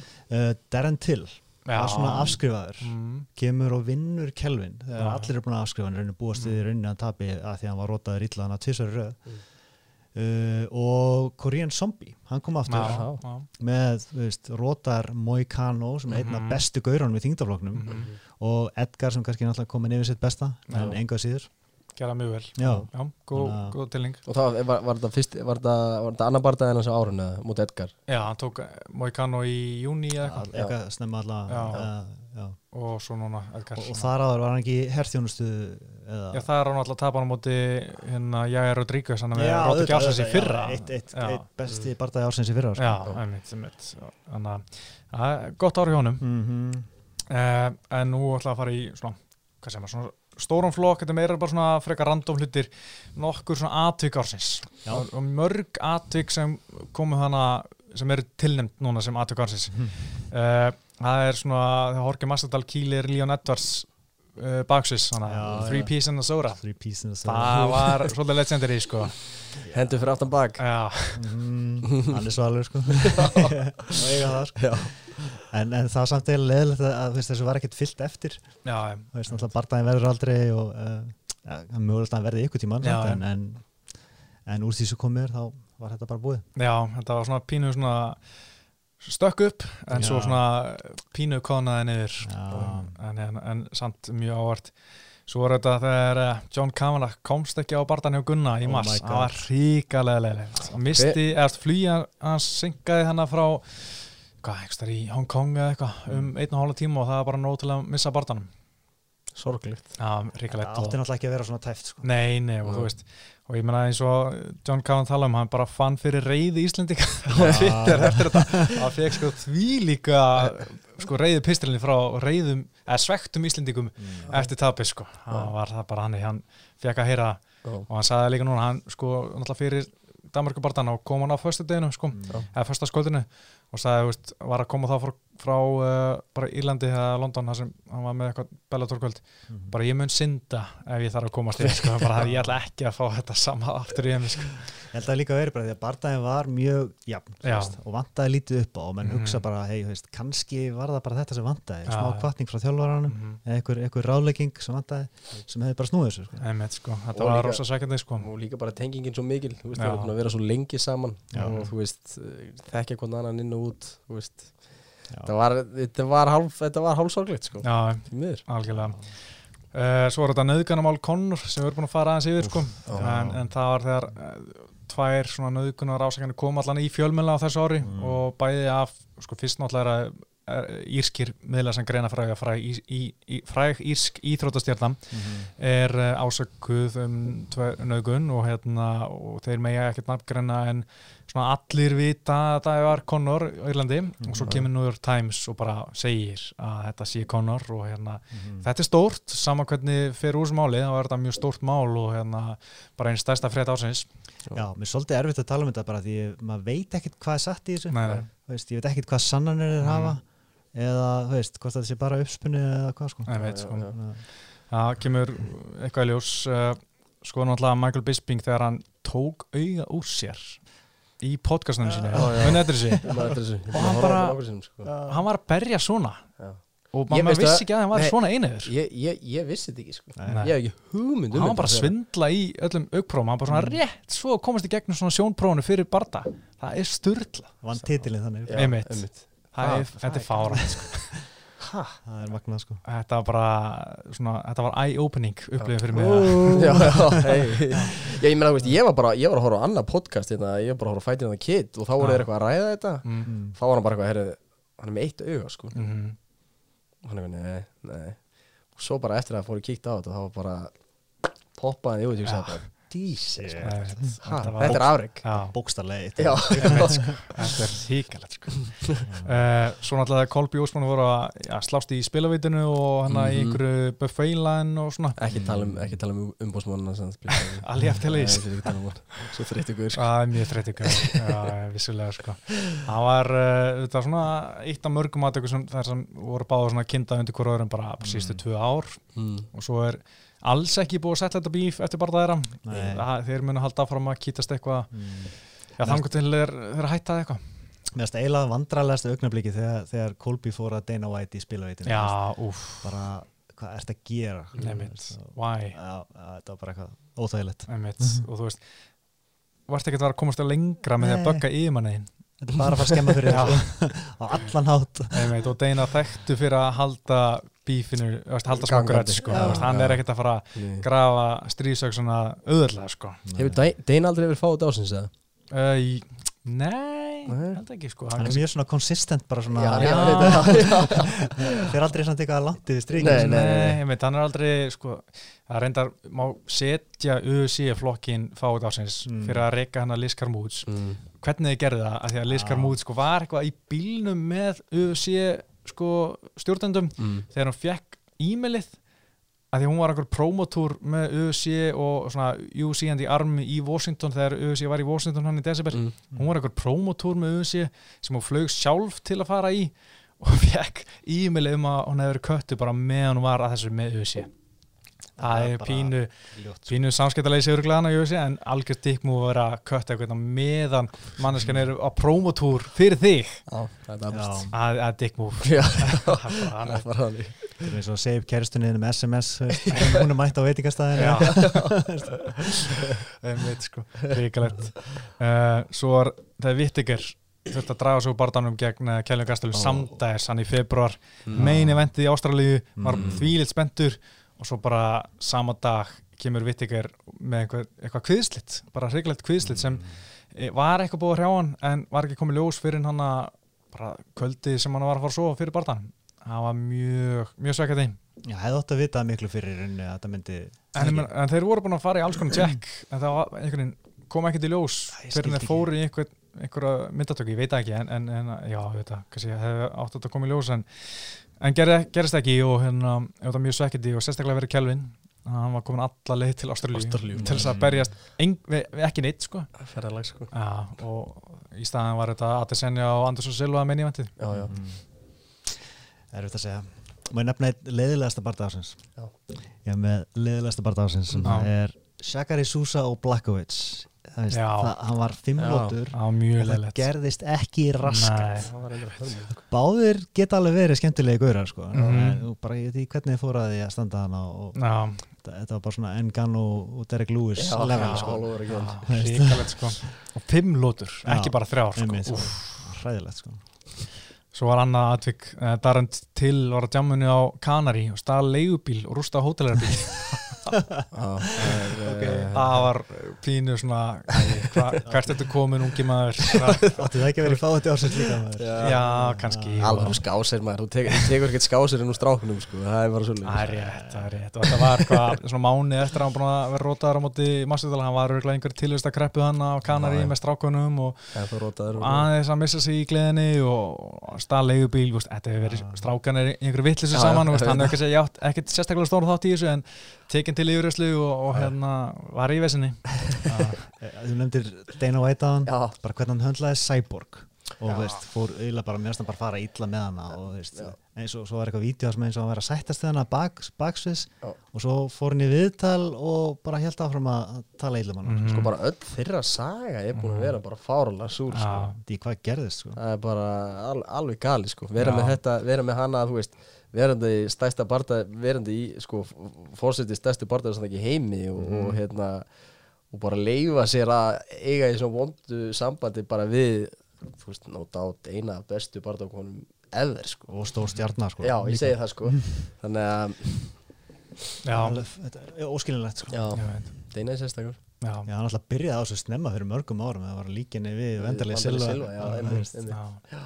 Ég held að það hefði sett eitthvað svona skarfið skildi í þeirra samband og ekki mm. náða að recovera einhvern veginn og kannski má kenna örugglega báðum um að vissuleiti en Deina á klárlega örugglega upptökinn sko, í já. sko, já, hann sagði þetta Já, ég meina þetta voru hans orð sko En svo er eitt aðtök sem ég verði að nefna það er, það er Jól Romero voru dæmdar 27 miljónur Já. dollara í skadabæti frá fæðibótarefna framlegaðandunum Goldstar að hann fjalla lögbrána í Decibel 2015 átt að fóka tveggjara ban svo tókst hann að sína fram á ólefni hefði komið úr úr fæðibótarefni frá þessi Goldstar fekk bara 6 mánu ban og hann fór í málu Goldstar og voru dæmdar hann 27,45 miljónir dollara sem er þrý- 3,4 miljardar íslenska krónam. En ég held að hann fá ekkert allan þannig peninga því að þú veist, þetta góldstari mættu aldrei og til að verja sig og lítið aldrei ná í sig og komu aldrei og þetta fyrirtæki er bara gældróta og bara gæðinni fartin eitthvað annað sko. ný kennitala bara Já, já, færa umboðið einmitt. það þannig að 100% ja, hann fær örgulega ekki alla miljarana en, en eitthvað örgulega þessi getur hann sami við þá um að fá bróta þessu og þeir halda áfram og eitthvað já, en, en ég veit ekki hvernig þeir ætla að borga þetta sko. Nei, ég sko, að þetta komið bara óvart að, að, þetta veri fyrsta skipti sem að Jóel Romero lendi í vesinni með liðabró sko. já, já, Ég meina maðurinn er 40, og- hvað er hann gammal? 45 ára?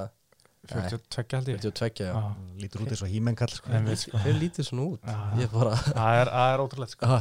Það er bara eitthvað, eitthvað gen hann í kúpu það er sko, það er, það er eitthvað hana í vatninu sko. Já. Mm. Svo er, uh, já, kannski eitt, eitt sorglegasta, bara sorglegasti maður ársins, Mm. það er B.G. Penn. Ó, Þú veist, það kom náttúrulega upp uh, ásökanir að hann væri að ráðast á konunum sína, Mm. hann var, var hann í götuslæsmálum, þar sem hann var að tapa fyrir einhver bömgæð, skilur, mm. og þú veist, var að uh, bara láta þessu bjáni. Já. Og hann er, jú, kem, hefði alveg getað verið fáið ársins, en það er bara svo sorglegt. Tapaði líka í össi og loksins köttaður. svona alveg, alveg svona með Matt Hughes dæminu svona Mhm. alveg þunglindi sko nálgunabann og eitthvað einmitt, algjört þrótt á þeim bænum 41 árs gamall og hérna bætti með þetta þessu ári líka var, ég var að tapa flestum barndum í röð því ég sé Já. sjö talsins Sjö talsins og átta barndar í röða sem hann er ekki vinna hann gerði hann að jættöfli við John Fitz mm. 2011 eða eitthvað Uh, og hérna tapa sjö röð, tapa fyrir Clay Guida í mæ í Brasli ákveðið afreg ótrúlegt og ótrúlega sorglegt bara að hérna BG Pence í þessum málum sko mm. Já, já. en hann er vist búin að vera í rugglu lengi og notar alltaf sko fightcamp til þess að sober up já, ok þannig að Ah. það er náttúrulega aldrei ávísun á gott gengi held ég sko Nei, slemt slæmt sko. Ég er bara ennþá, ég, ég er ennþá með í hausnum sko eitthvað vídeo á hann þegar hann var að synda nýra á hafsbótn og Hawaii og taka stein og synda með það upp sko. Já, bara kardio döðan sko. Ég man alltaf eftir því að hann var stökkur sundlöginni hana, á Já, jú, reyndar, það er líka það er var minni. ótrúlegt sko. ég hef aldrei séð það á, á þeim tíma allavega Prodigy. En svo gerir annarkver crossfitera þetta bara? Já, víst. þannig að ég veit ekki. Uh, svo fannst mér líka mjög aðtækksverst þegar Sage Northcutt fór í Jón var steinrótar af Cosmo Alexander og fór í nýju klukkustunda aðgerð á andlutinu Mm. og það er rosalegt sko bara greiði strákunni sko. Já. já, þetta var einhver, einhver ég hef aldrei hýrt um hérna náunga sko en hann var vist einhver brjálaði streikar mm uh, og hvernig að hann var hafði tapað áður eða ekki Sage uh, nei, nei, ok, ég var, hún var ráðlagt frá því held ég að taka hann að barta sko. já því að ég var maðurfokkar já, Hann var það var svolítið crazy sko. Já og þú veist, minna Dana White og flestir segja bara hann á ekki að berast eftir, eftir þetta en þú veist, Nei. ok, hann var rótar eftir 29 sekundur en hann var bara að vinna hann að þrjá í röðu undan. Já, ok, í veist, ekkert eitthvað geggjum gæðum Michel Kunones, Tíbut. Gauti og Zach Ottof Já. ég veit ekki hversu margir af þeim eru í UFC í dag, ég held ég bara eitt sko. Hann að sjáum til uh, hvað hann gerir. En hann segist alltaf að halda áfram. En 23 ára gamall og er, gæti alveg gert að vera fínt í einhverjum mentaskóla eða háskóla í bandarækjunum Mm. eins, eins og hann var í. Já, en sjáum hvað hann gerir. Svo svona rétt í lókina því að vorum eins og með, eftir síðust elgi Bumba ársins, það er Rambits svakalegt sko. Vá, ég hef ekki séð bara, þú veist, það var Rói Nilsson já, það var rosalegt. Hann var bara í léttanguveiktina fyrir nokkur ára síðan og bara heil skorun og flottur. Það er reyndar alltaf að tala um hann hati æfa hann finnst leiðilt æfa Mm. Fyrir mánu vera sko. já, en þetta var alveg next level bumba sko. já. Og hann líka gæti ekki reynt sig sko. Nei, neina, fet og leit út fyrir að vera bara hann var svo hraður sko með að við rambet sko að hann átti ekki séns feitur og það flottur ég er bara, wow, mér langar að sjá hann aftur Já, einmitt. sem ég held ég myndi aldrei segja Nei, sko. ja, það var rosalega bumba á rambet sanna Já. svakaleg sko. Já, uh, Hippopotamus, hann, hann sagði að hún Já. hefur liðið eins og hippopotamus, hvað er það? Er Já. rétt. mhm. Já, það er bara rétt hann var að tala um að nú þarf ég að fara að losa mig við þetta og fara aftur í léttangveitt og, og þú veist, ég á pínu er með að sjá það Mhm. orðin þetta gammal og alltaf tala um hvernig finnst leiðilt að æfa. Já. sé ekki fyrir mér. Uh, kannski ég nefna eitt sem að var svona nokkuð stórt á árinu. Endur koma Nate Diaz. Mhm, einn stærsta já. stjarnan, þú veist, búin að vera burti í mörg ár uh, kemur með flottan sigur á móti Pettis og Já. var í mögulega, veit ekki, stærsta barða ársins ekki, á móti Mhm. Masvidal það tapar illa og svona en, en ég veit ekki, veist, hvað haldi haldi áfram eða já veist, ef það kemur eitthvað nóg stórt og spennandi Já. þá held ég að hann haldi alveg áfram sko. já, Ég, ég held, já, ég, ég sammála þú veist, ég held þetta sé, þetta eru þetta bara ég held að hann sé bara, hann er svolítið svona peningadrefin sko, þú veist, hann er bara eins og hann er og veist, hann, ég, ég, ég hef enga svona sérstaklega trúaði og hann er auðvitað, ég veit ekki hvort hann hafi sagt það en ég hef enga sérstaklega trúaði að hann sé að, að hann- hann sé með eitthvað haustum og loka að vinna hitt og þetta sko, mm. Einhverja titla en þú veist, ég held bara hann er bara fætir en ég held að hann hafi það helviti gott hann er Já, bróður já. sér að gera ágætis mót með, með hérna, grassbusinessin og þetta sko, þannig að þú veist ég veit ekki hvert dræfið er en, en það væri gaman að sjá hann. Mm fekk örgulega góðan pening fyrir Masvidal Já, 100% sko. Uh, svona eitthvað fleiri aðtök sem við munið eftir? Uh, Alexander Gustafsson hætti, mhm. alltaf að nefna hann. Uh, Luke Rockhold náttúrulega sagðist að hafa hætt Ná, ég er með sérflokk fyrir tæjarmönd og því Já, ok, ok, ok tökum það fyrir og, eh, já, en uh, Greg Hardy þú veist, mm Mhm. við vorum aðeins búin að kofera hann kannski já, en það er svona tilhörun sem ég finnst eiginlega bara að vera komið nóg af sko. já, Já, 100% ég sko. er bara búin að fá háleið á því Já. mhm. og svo eiginlega langar mig að sjá Chris Weidmann hætta Það Já. svona e- eftir þetta ár já, þetta er ekki, ekki gott í honum. Nei, hann var að tala um að hann vil fá Luke Rockhold næst hann vil fyrst á tjúnuborda Luke Rockhold ætti að vera tjúnuborda fyrir þið núna eins og ég- staðin er núna. En ha, þeir eru bara báðir gjörsalega búnir greiði sko. Eiginlega orðið sorglegt sko. já, Það er það sko. En ég er einhvern veginn smá hrættur um að með hvað Chris Weidmann er að tala um að hann er 35 ára mm. og hann er ennþá því bara á nóg eftir og þú veist, þá er svona, úff, hann er að fara að enda í Bellator og fara að vera rótaður ítla og það verður eitthvað svona, Mhm. geta verið svona sorglegur endir í honum veginn. ég, ég hrættur um að stefni í það Já, Rosa mikið að sorglegu dæmi eitthvað Ég veit ekki, kompakið hans Faber Mhm. já, Veit ekki. emitt, Faber Þú veist Flott kompakt samt, þannig að móti Rikki Simón. Já, vissulega sko. Svo fer það bara í En- Já, ég minna, þú veist. Þú veist, mér veist þetta að vera eitt sko, hvað segir maður, svona Promotional malpractice. E, já, mér veist þetta að vera svona delusion of their year, sko að Faber Mm. hafi haldið hann ætti sensi titilinn. Mhm. hann, og bara allir í kringum hann að tala um bara, já, þú getur alveg að fara í titilinn bara go for it man og bara get jákvæðir og ekkert nema jesmenn í kringum hann sem bara samfara um að hann ætti sensi titilinn eða hjálpu honum að samfara sjálfan sig að hann ætti sensi titilinn og geti gert þetta 40 eins og skamma þegar hann átti ekki sensi titilinn síðustu 10 ár. Og finnst það bara fáralegt að skilta að gert þetta og ég menna, ég trú ekki að segja einhver hlýtur einhver að veri bara feibir ekki gera þetta. Já, en ef ekki þá er hann í slæmumálum myndi ég segja ég er ekkert svo viss um að það hafi verið margir hérna í, Nei. í, hérna í kringum hann sem hafa verið eitthvað herru, þú veist, nei, ekki, ekki gera þetta sko. Já. En svo, rætt, svo rættu það reyndar sko að þú veist sko, veist, nýjórum faðir Mhm. veist, með hérna unga hugulega stelpu uh, sem hann er búin að vera með núna í einhver tíma og þú veist, ég veit ekki, kannski er það kannski er þetta eitthvað svona ég veit ekki hvort það rétt orðið sér grái fyrringur sko. Já. en þetta er eitthvað svona, þú veist, kannski er hann bara einhvern veginn, kannski er, er hann á einhverjum hérna, þú veist, það er nóg að gera hjá hann sko. já, Já, hann er með tíu. Já. bara endalust sko. Já. Þú veist, þannig að ég, ég, ég skil þetta ekki þetta er, leið, þetta er leiðilegt hann hefur alltaf verið með maður en þú veist, Þetta er er 100% Já, uh, herru, svo fyrir við í næsta flokk sem er bara, við förum uh, hratt yfir hann. Það er Livia Prófarsins. Það er náttúrulega John Jones, það var endalist í kringum hann, hann fjalla einhverju fjóruliðu prófum að einhverju píkagrömmum og, og þeir bara hendur því undir teppi og er enda búin að breyta stefninu núna, jú, sæta. Að þú veist, þú þarfst að vera með yfir 100 píkakrömm til þess að telist vera eitthvað fallalega próf, eitthvað ómulegt. Annað er bara ekki framastuð bætandi Þannig að og hann hefði runni staðist öllu próf. Já, já, en kom fram hann hefði fjalla, hefði fallið á þessum liðabrum á þessum tíma, þú veist, í dag væri þetta ekki talið sem fall, en auðvitað alltaf tala um að þetta voru þessi púlsandi áhrif á þessum turnabústýra og hérna hann uh, vegna fyrir intöku og allt þetta, eins og gamla sagan sem allir tekja, og svo náttúrulega Ney Díaz kom hann fram, Já. hvað, áttatum fyrir bara ég trúði ekki, en sem betur fyrir var bara einhvern veginn málur hins og þetta var bara sama með bara einhver samkvæmt júsa þetta, einhver litla leifar af einhverju öfnu, einhver, einhver píkagrömm Mhm. og alls ekki framistöð bætandi og hann er bara leift að berjast eftir með breyttri stefni júsa þetta mann ætla bara að fagna því að þeir eru að stilla þetta eins af sko. Þú veist, ef þetta er einhver, einhver tainted supplement sem er að valda þessu þá er það bara ekki í lagi sko. Þannig að mjög gott mál. Já, en nenni ekki að tala um lögupróf Nei, það verður bara að gera svo mikið. Heyri, svo verður að fara í sölumar ásins sko, og þar er náttúrulega einn maður sem kemur sterkalt að greina. Mm. það er þetta Krins King Henry Já. Cejudo sko ég er ekki búin að vinna heima vinnunum mína hérna og rifi upp allt það sem hann gerði í þessu ári.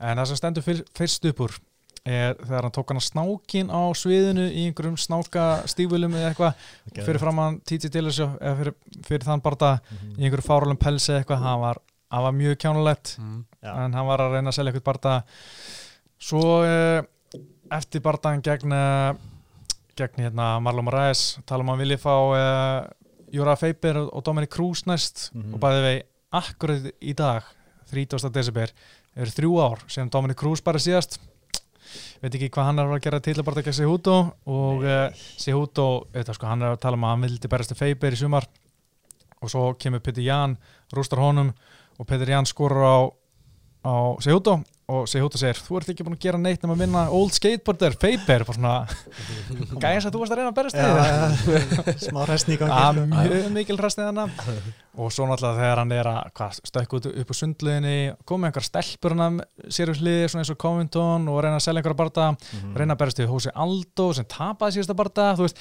hann gerir ekkert sem er bara svona já, ég var til í þetta, þú veist, allt sem hann gerir er bara svona, æ, kom hann, sem er pyrrandi og leðilegt og ég bara svona ég nenn honum ekki, ég nenn honum ekki eina sekundu. En þú ert samt að tala um hann. Já, ég veit það, sölumar ársins Já. en ég nenn honum bara ekki. Nei. Nei, Ég held samt að hann er haldið sáfram sko. Já, Þannig að, þú veist. Alveg 100% þetta er, þetta er, þetta er þessu litli hlutir sem að hérna, sem að fólk talar um og, og, og, og akkurat bara, bara þetta moment núna að- að Pétur hafi satt í nennum mikið sko, Já, veist. Mikla tilfinningar. Já, mikla tilfinningar sko. En þú veist, það færi mig ekki til að vilja horfa á hann eitthvað frekar. Ég er Jú, svona, ég, hann, er ekki, hann er ekki það leðilur en maður langar að sjá hann rótast maður langar bara að hann fari. Þú ert eftir að horfa á næsta blagamannafund Bíðandi eftir hvað gerir Nei, næst. nefnilega ekki. Nei, nefnilega ekki. Ég bara býð eftir einhver highlight og hrista hausinn Þetta þetta er það mikið krins ég eiginlega geti þetta ekki, þetta er svona eins og að horfa þú veist, Arrested Development eða, hérna, eða Always Sunny in Philadelphia þú veist, þetta er bara svona óþægilegt sko. Fólk elskar þess að þetta er sko. Já, já, þetta er Gamla office. Já, við spóðum þetta mér sko. Já, ég, ég veit ekki. Ég, ég, Ég veit ekki með þetta Ef hann hefði ekki gert neitt að þessu þá væru við ekki að tala um hann. Ég held að það sé bara bottom line sko. Já, já. Já. En Svo ég er, líka, ég, þú veist, sorry ég ætla ekki að grípa fram í en, en svo held ég bara, þú veist, þetta er bara, þetta er bara, nú er, þetta er bara tíminn í auðsíð, þú veist, Mhm. það er allir að berjast við að, þú veist, það er allir að berjast við að selja sem eins mikið að þeir geta Já. og ef þeir hafa það ekki, ef þeir hafa ekki sölumann í sér, þá þurfa þeir bara að gera eitthvað, sko. mm, Og já. þá er bara, þú veist, þá koma menni svo Kolby og þá koma menni svo henni sér hút og Mm. þú veist, það, það er bara, þetta er bara leikurinn í dag, sko. Það er bara ljóst að UFC er ekki að gera þetta fyrir þá sko. Já, Þú veist, eins og bara sagt beinlinis við Kolby mhm. Þú veist, hvað sagði, hann var komin á þriða samningin og bara var ekki að fá hækandi laun og spurði bara, hvað er í gangi þeir sögðu bara, þú verður bara að gera eitthvað til að þú veist, fá fólk til að vera saman um þig Mhm. þannig að hann bjóð til hennar karakter og Já, já og mér þú veist, mér auðvitað getur ekki svona, þeir getur ekki svona, þeir getur ekki svona selt Amandu Núni, sko. Nei, nei, Þú einmitt. veist, hvað hva er marketing tími hefur við séð að gera? Já, Mhm. það kunni bara mikið, sko. eitt og það er bara að markasetja gæðis og konur sem er ríða kjáft og er ba bara það Já. Allt annað bara svona, úff, veit ekki hvað um gera við Damian Maia, hann er að hengja alla og tala gett kurtislega um alla, Já, veit ekki hvað að gera það er bara svolítið þannig. Uh, svo er annað sem kemur til greina, það er Tito Ortiz. Fyrir parta hans gegn hérna öðruvísi cringe. þessi, pulsu hana í, november eða desember í Combat Americas að það var hann með alls konar yfirlýsingar. Þá hann að byrja á að segjast sko taldi sig geta unnið John Jones og sjálfsögðu voru margir miðlar að pika það upp meðal annars ég. Og allir bara, ó, hann er svo villus og auðvitað er hann að gera þetta viljandi til að fata ekki og gera bara vel. Og hrósa hann fyrir það. Svo eftir, tala mann aldrei verið betri og maður bara, ó, ég trú ekki hans að segja þetta og allt þetta. Svo var sem ég líka mjög skrítið, hann sagði um hérna hvað, hann, ef hann myndi lifa af fyrsta lótu hinn gæðin, þá myndi hann gefa hann eitthvað 20.000 dólara í eini tjárati sem hann valdi. En hann ná- náði að gera það, en ég ætla samt að gefa hann um pening en bara svona 5.000 dólara Þú veist, svona, eins og sem ég vildi ekki gefa peningin í eitthvað góðgerumál. Já, mjög fyndið sko, mjög, mjög steikt mómentana í eftir hennar barða sko. Já, já, og hérna Tito er alltaf ja, ríkala illa málgefin sko. Mhm. hann tala svo villust og ég dyrka að sjá það sko. Mhm. en hann er alltaf sami vissi, hann er alltaf að selja bara það. Já. hann, veist, hann stoppar ekki sko. Var Chael Tito, var hann á þessu ári, senast ári? Eða 2017 síðast ári sko. Síðast ári. Allan, eh, allan ekki á þessu ári sko. Já, já, já, Já, það var cringefest sko já, það stundu Já. verið talað um eins og, eins og Gunnar, þú veist, ætti hann að reyna að selja sig eitthvað, en svo svolítið erfitt að, að þvinga sig í eitthvað svona sem Já. er svo, Mm. svo ónáttúrulegt. Já. það væri bara eins og sé hút og haldi sko. eitthvað svona Þú veist, Hvað geta hann gert? Sko? Já, Þú veist, ég, ég get ekki sé kunna Nei. fyrir mér eitthvað Það var erfitt, sko. Já, að Einmitt. setja á sig einhverja grímu og fara að selja einhverja barda sko, þú veist. Það var Mæti í ríkala vikingabúning. þú Já, já, cringe.is sko Já. Herri, svo er næsta flokkur Retirement of the Year Mm. það er þetta Luke Rockhold hætti Já. og ég er bara eh, vonandi hættur hann var að tala um hann líklegast hættur Mm. líklegast, að hann hefur ekki sama dræf og hann hafði og hefur það bara fínt sem mótel hjá Abercrombie Fitch eða eitthvað hvað sem það er Já. og þú veist, það er ekkert að berast og bara fínt að hann hætti og þetta eins og talar um Gustafsson Já, meina, finnst þetta að vera veist, slæmar í tærmentið eða góður í tærmentið? Mér finnst það gott í tærmentið Gustafsson, já, bara svona á réttum tíma, Já. veist. Uh, en kannski Rockhold var á lengi eða eitthvað, veist, ég veit ekki. En samt ekki það gamall. bara það sem vakti aðtegli Já, já, já. Mhm. Það sko, var- það er eitt líka sem, er, sem vinnur vinningin er mér, eh, Retirement of the Year það er Stefan Strú hann hættir hana eftir sigur í februar á móti Marco Rogero de Lima og segist alltaf hætta og svona semi-grátandi í viðtalunni í búrunu og rosa veist, emotional og bara flott að hérna skilja hætta hennar, svo bara skrifar hann undir sex bardaða samning, heldur áfram og er auðvitað rótaður moti Ben Rothwell og sparka í pungin á hann tvisar já. það var ekki góð endur koma hjá honum og ekki góð ágrunni hjá honum. Að bara hæ, að halda áfram, þetta er bara fínt hjá hann hætta. Hann hefur rótaði núna eitthvað sjö sinnum eða eitthvað. Mm. Áttatöpið rótök og það er bara fínt að hætta með sigri og, en hann ákvað að halda áfram og rótaður Já. Svona Berna Askren, hann, hann hættir. já, vissulega. Þannig að það var kannski eitt að stærsta. já, ég myndi segja að það væri besta retirementi hann Já. náttúrulega bara tala um hann getur ekki verið bestur eins og hann, eðast, hann vildi snú aftur í MMA og berist í USA til að sanna hann væri bestur í heimi Mm -hmm. til þess ekki að geta sínta og okkur bara, þetta er bara komið gott Já, svona alltaf þurfti hann að fara í ykkur að mjadma aðgerð, sko. replacement. já, bara hann hefur margt annað í gangi Já. bara fínt hjá honum að hætta og, og vera ekki að rembast við þetta Mhm. Ég hefði, ma maður svona, þú veist, bara svona með við söguna, þú veist, eh, Dana White, svo við tala aftur um Dana White, að, að hérna, það hefur verið gaman að sjá Ben Askren koma, hérna, yfir UFC og, og kannski sanna eitthvað sem hann hefur verið að tala um senast ár, Mhm. Mhm. en, veist, því miður, gerist það ekki. nei, hann tapaði bara tveimur barndum og var næstu búin að tapa þreimur þannig að rétt svo vann Robby Lawler mjög skemmtilegu barndagi og alltaf en, en hérna steinrótar á móti Askren og Svæður á móti Demi Maja, þannig að Mhm. það er bara þannig uh, Hver er Svo- hættu fleiri? í, er ekki alveg með á hreinu þetta er svona helst sem stóð upp úr fannst mér sko Mm. en ég spáði bara að vinda okkur í innlendaflokkin Já. Uh, það er auðvitað svekkjandi árið Gunna hann tapaði báðans í barndum fyrsta sinn sem hann tapaði tveimur barndum í röð Mhm. og hérna bæði eftir dómarakurinn og var bara einhvern veginn ekki alveg sér besta, vantaði herslumunum upp á í báðum barndum, vissulega mjög tæft og alltaf Mhm. en bara svona vantaði svona aðeins meiri aggression og aðeins meiri uh, svona voljum og kraft og þá hefði þetta komið Já. og þá var hann alltaf öðrum staði í dag en, en hérna Stefán Unni, Líón Edvards og allt það en bara mjög svekkjandi og svo runni er hann vist ennþá að glíma sem meðsli sem voru að hrjá hann fyrir síðasta parta Já, rifin. já, þannig að það er eitthvað ekki alveg komið ljóst hvernig hann snýr aftur en vonandi verður bara í mars á næsta ári en mjög svekkjandi í honum uh, þetta ár Já, maður er eiginlega bara hálf þunglindur að, þú veist, tala um það, sko. Uh, og líka bara að þetta voru bæði mjög jafnir barðar. Mér fannst svona, þú veist, á góðu kvöldi að hann geta unnið báða gaurana. Samt, veist, báðir góðir anstæðingar og, engin skömmaði að tapa en, en það er bara það er svo grátlegt að það vantar svona lítið upp á. Já. Og finnst bara eins og ef hann væri svona aðeins, aðeins eins og segir, veist, eins og, eins og að vanti bara eitthvað aðeins eitthvað sem svo au- auðvelt að vera gaggrinn á sófanum, sko. Já, já, það mjög er- en maður er bara svo, er svo emotionally invested sko.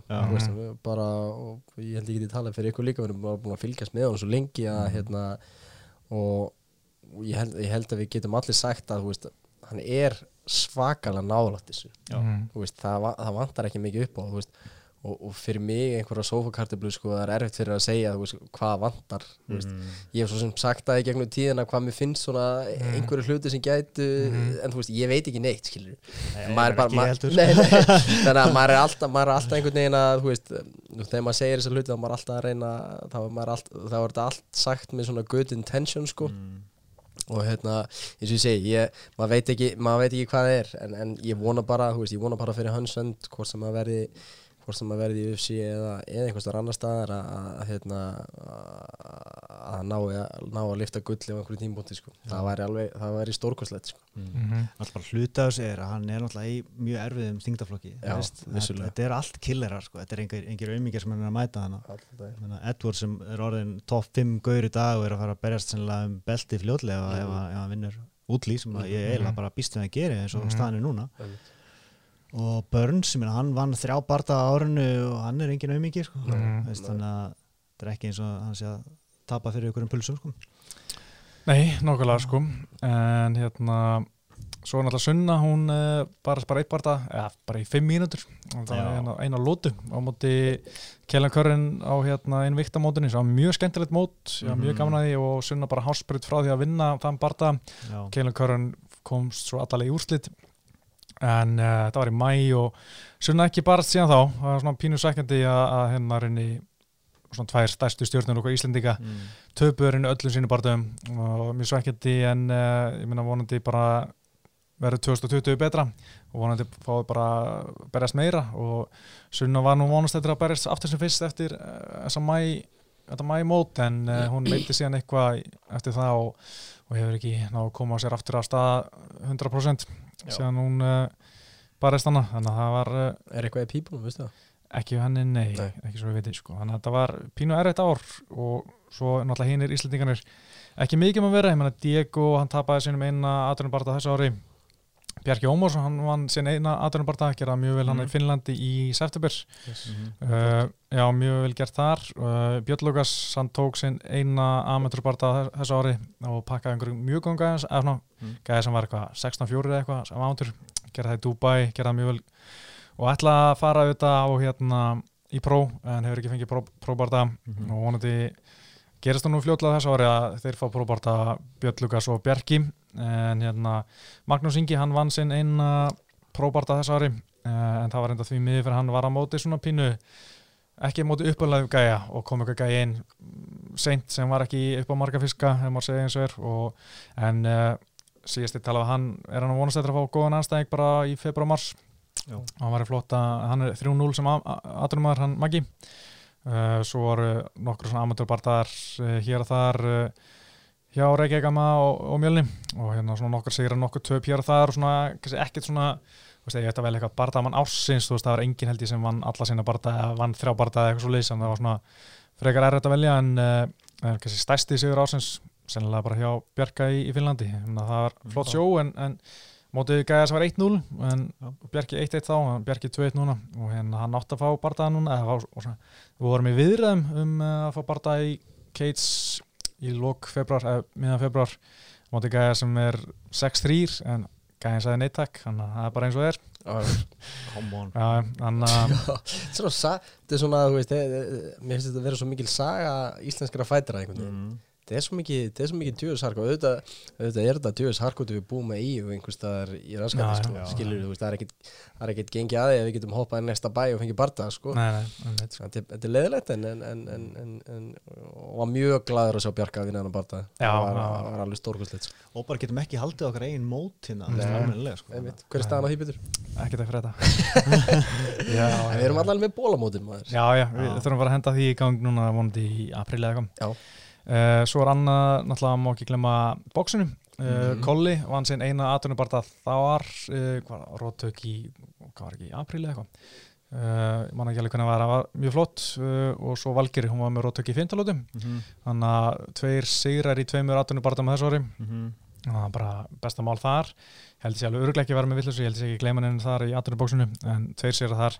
Svo verð ég að segja Haldur Lógi uh, í glímunni hann er mm. Ógeðslega duglegur að koma sér út á mót Erlendis. Hann er, að bara, hann er bara á Instagram að DM-a alla bara hvort við hefum keppa hér og er að fá að keppa og, og gera bara mjög gott. Nice. Alltaf hann fekk að keppa Polaris, Polaris hann í mars uh, fyrsti íslendingunni sem hann er að keppa það það er svona stærsta svona submission event uh, í Európu og kom sér þangað og er vonandi að fær vonandi fleiri tækifæri þar á næsta ári Mhm. uh, vann alltaf flott mót þannig í Írlandi núna í desember Kristinn Helgi gera vann sína glímu þar Já. og það er gaman að sjá hvað þeir gera næsta ári ég veit að þeir eru að fara að stefna mörg mót á Mhm. næsta ári og Haldólaug er að fara á móti hérna mjög stórum gæja núna á næsta ári hver var aftur?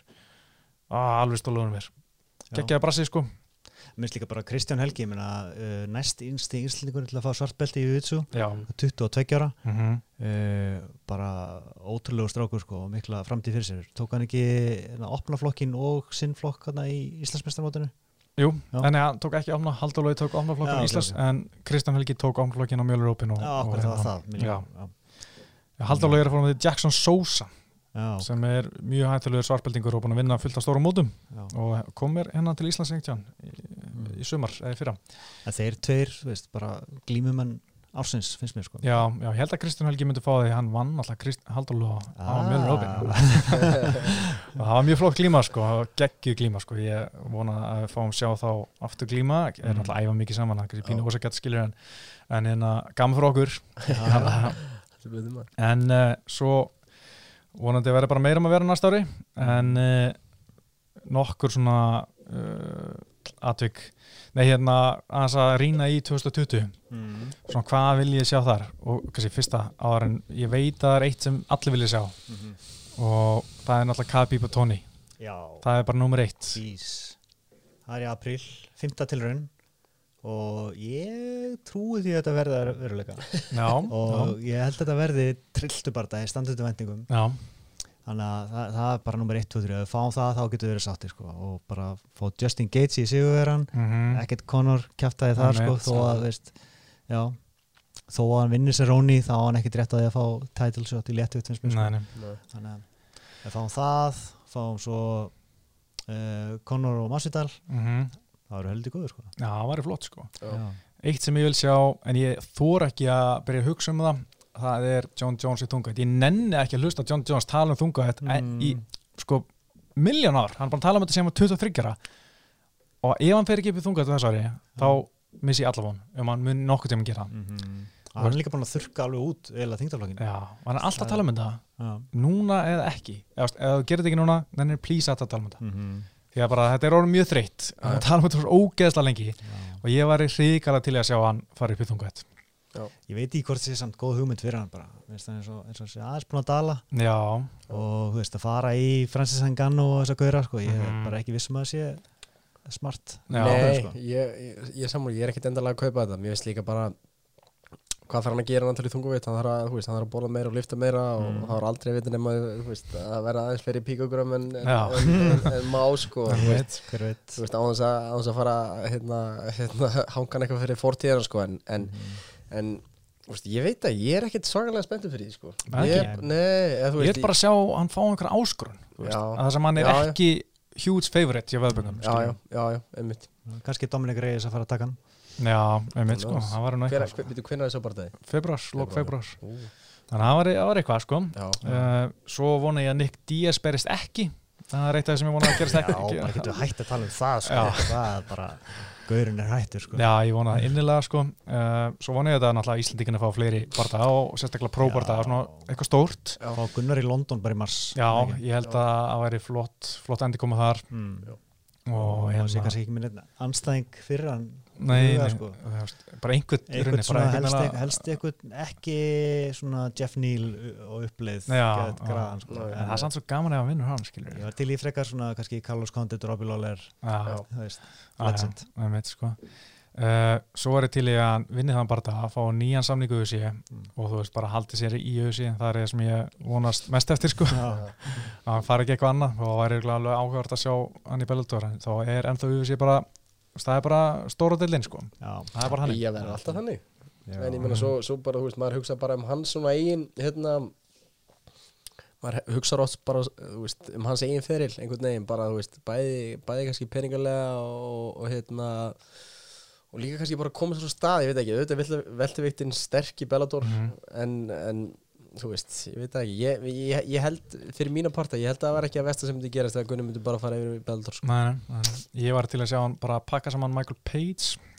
Já, það er enda skemmtilegt. Og hann myndi gera það 100% sko. að ég er ekki sel seldur á að Page top 10 caliber fighter sko. Nei, Nei, náttúrulega Líma tók hann svolítið afgerandi sko. Já, já, já En ég er bara til að sjá Michael Vernon Page fá bara alveg gæja. Ég nenni Já. ekki að horfa á hann rústa einhverjum gæjum sem eru minni spáminn bara ég nenni þess ekki. Einhverjum já, enginn hefur séð. Ég held að, Nákvæmlega. þú veist, ég held að sé bara að bara fá Gunna aftur í ringin og fá bara tvöhald vaff á, á, á ferilskrána, það er bara nummer 1, 2 og 3 hjá mér sko, Já, það er bara það, það, er- það er nummer 1, 2 og 3 sem ég langar að sjá á nýja ári sko.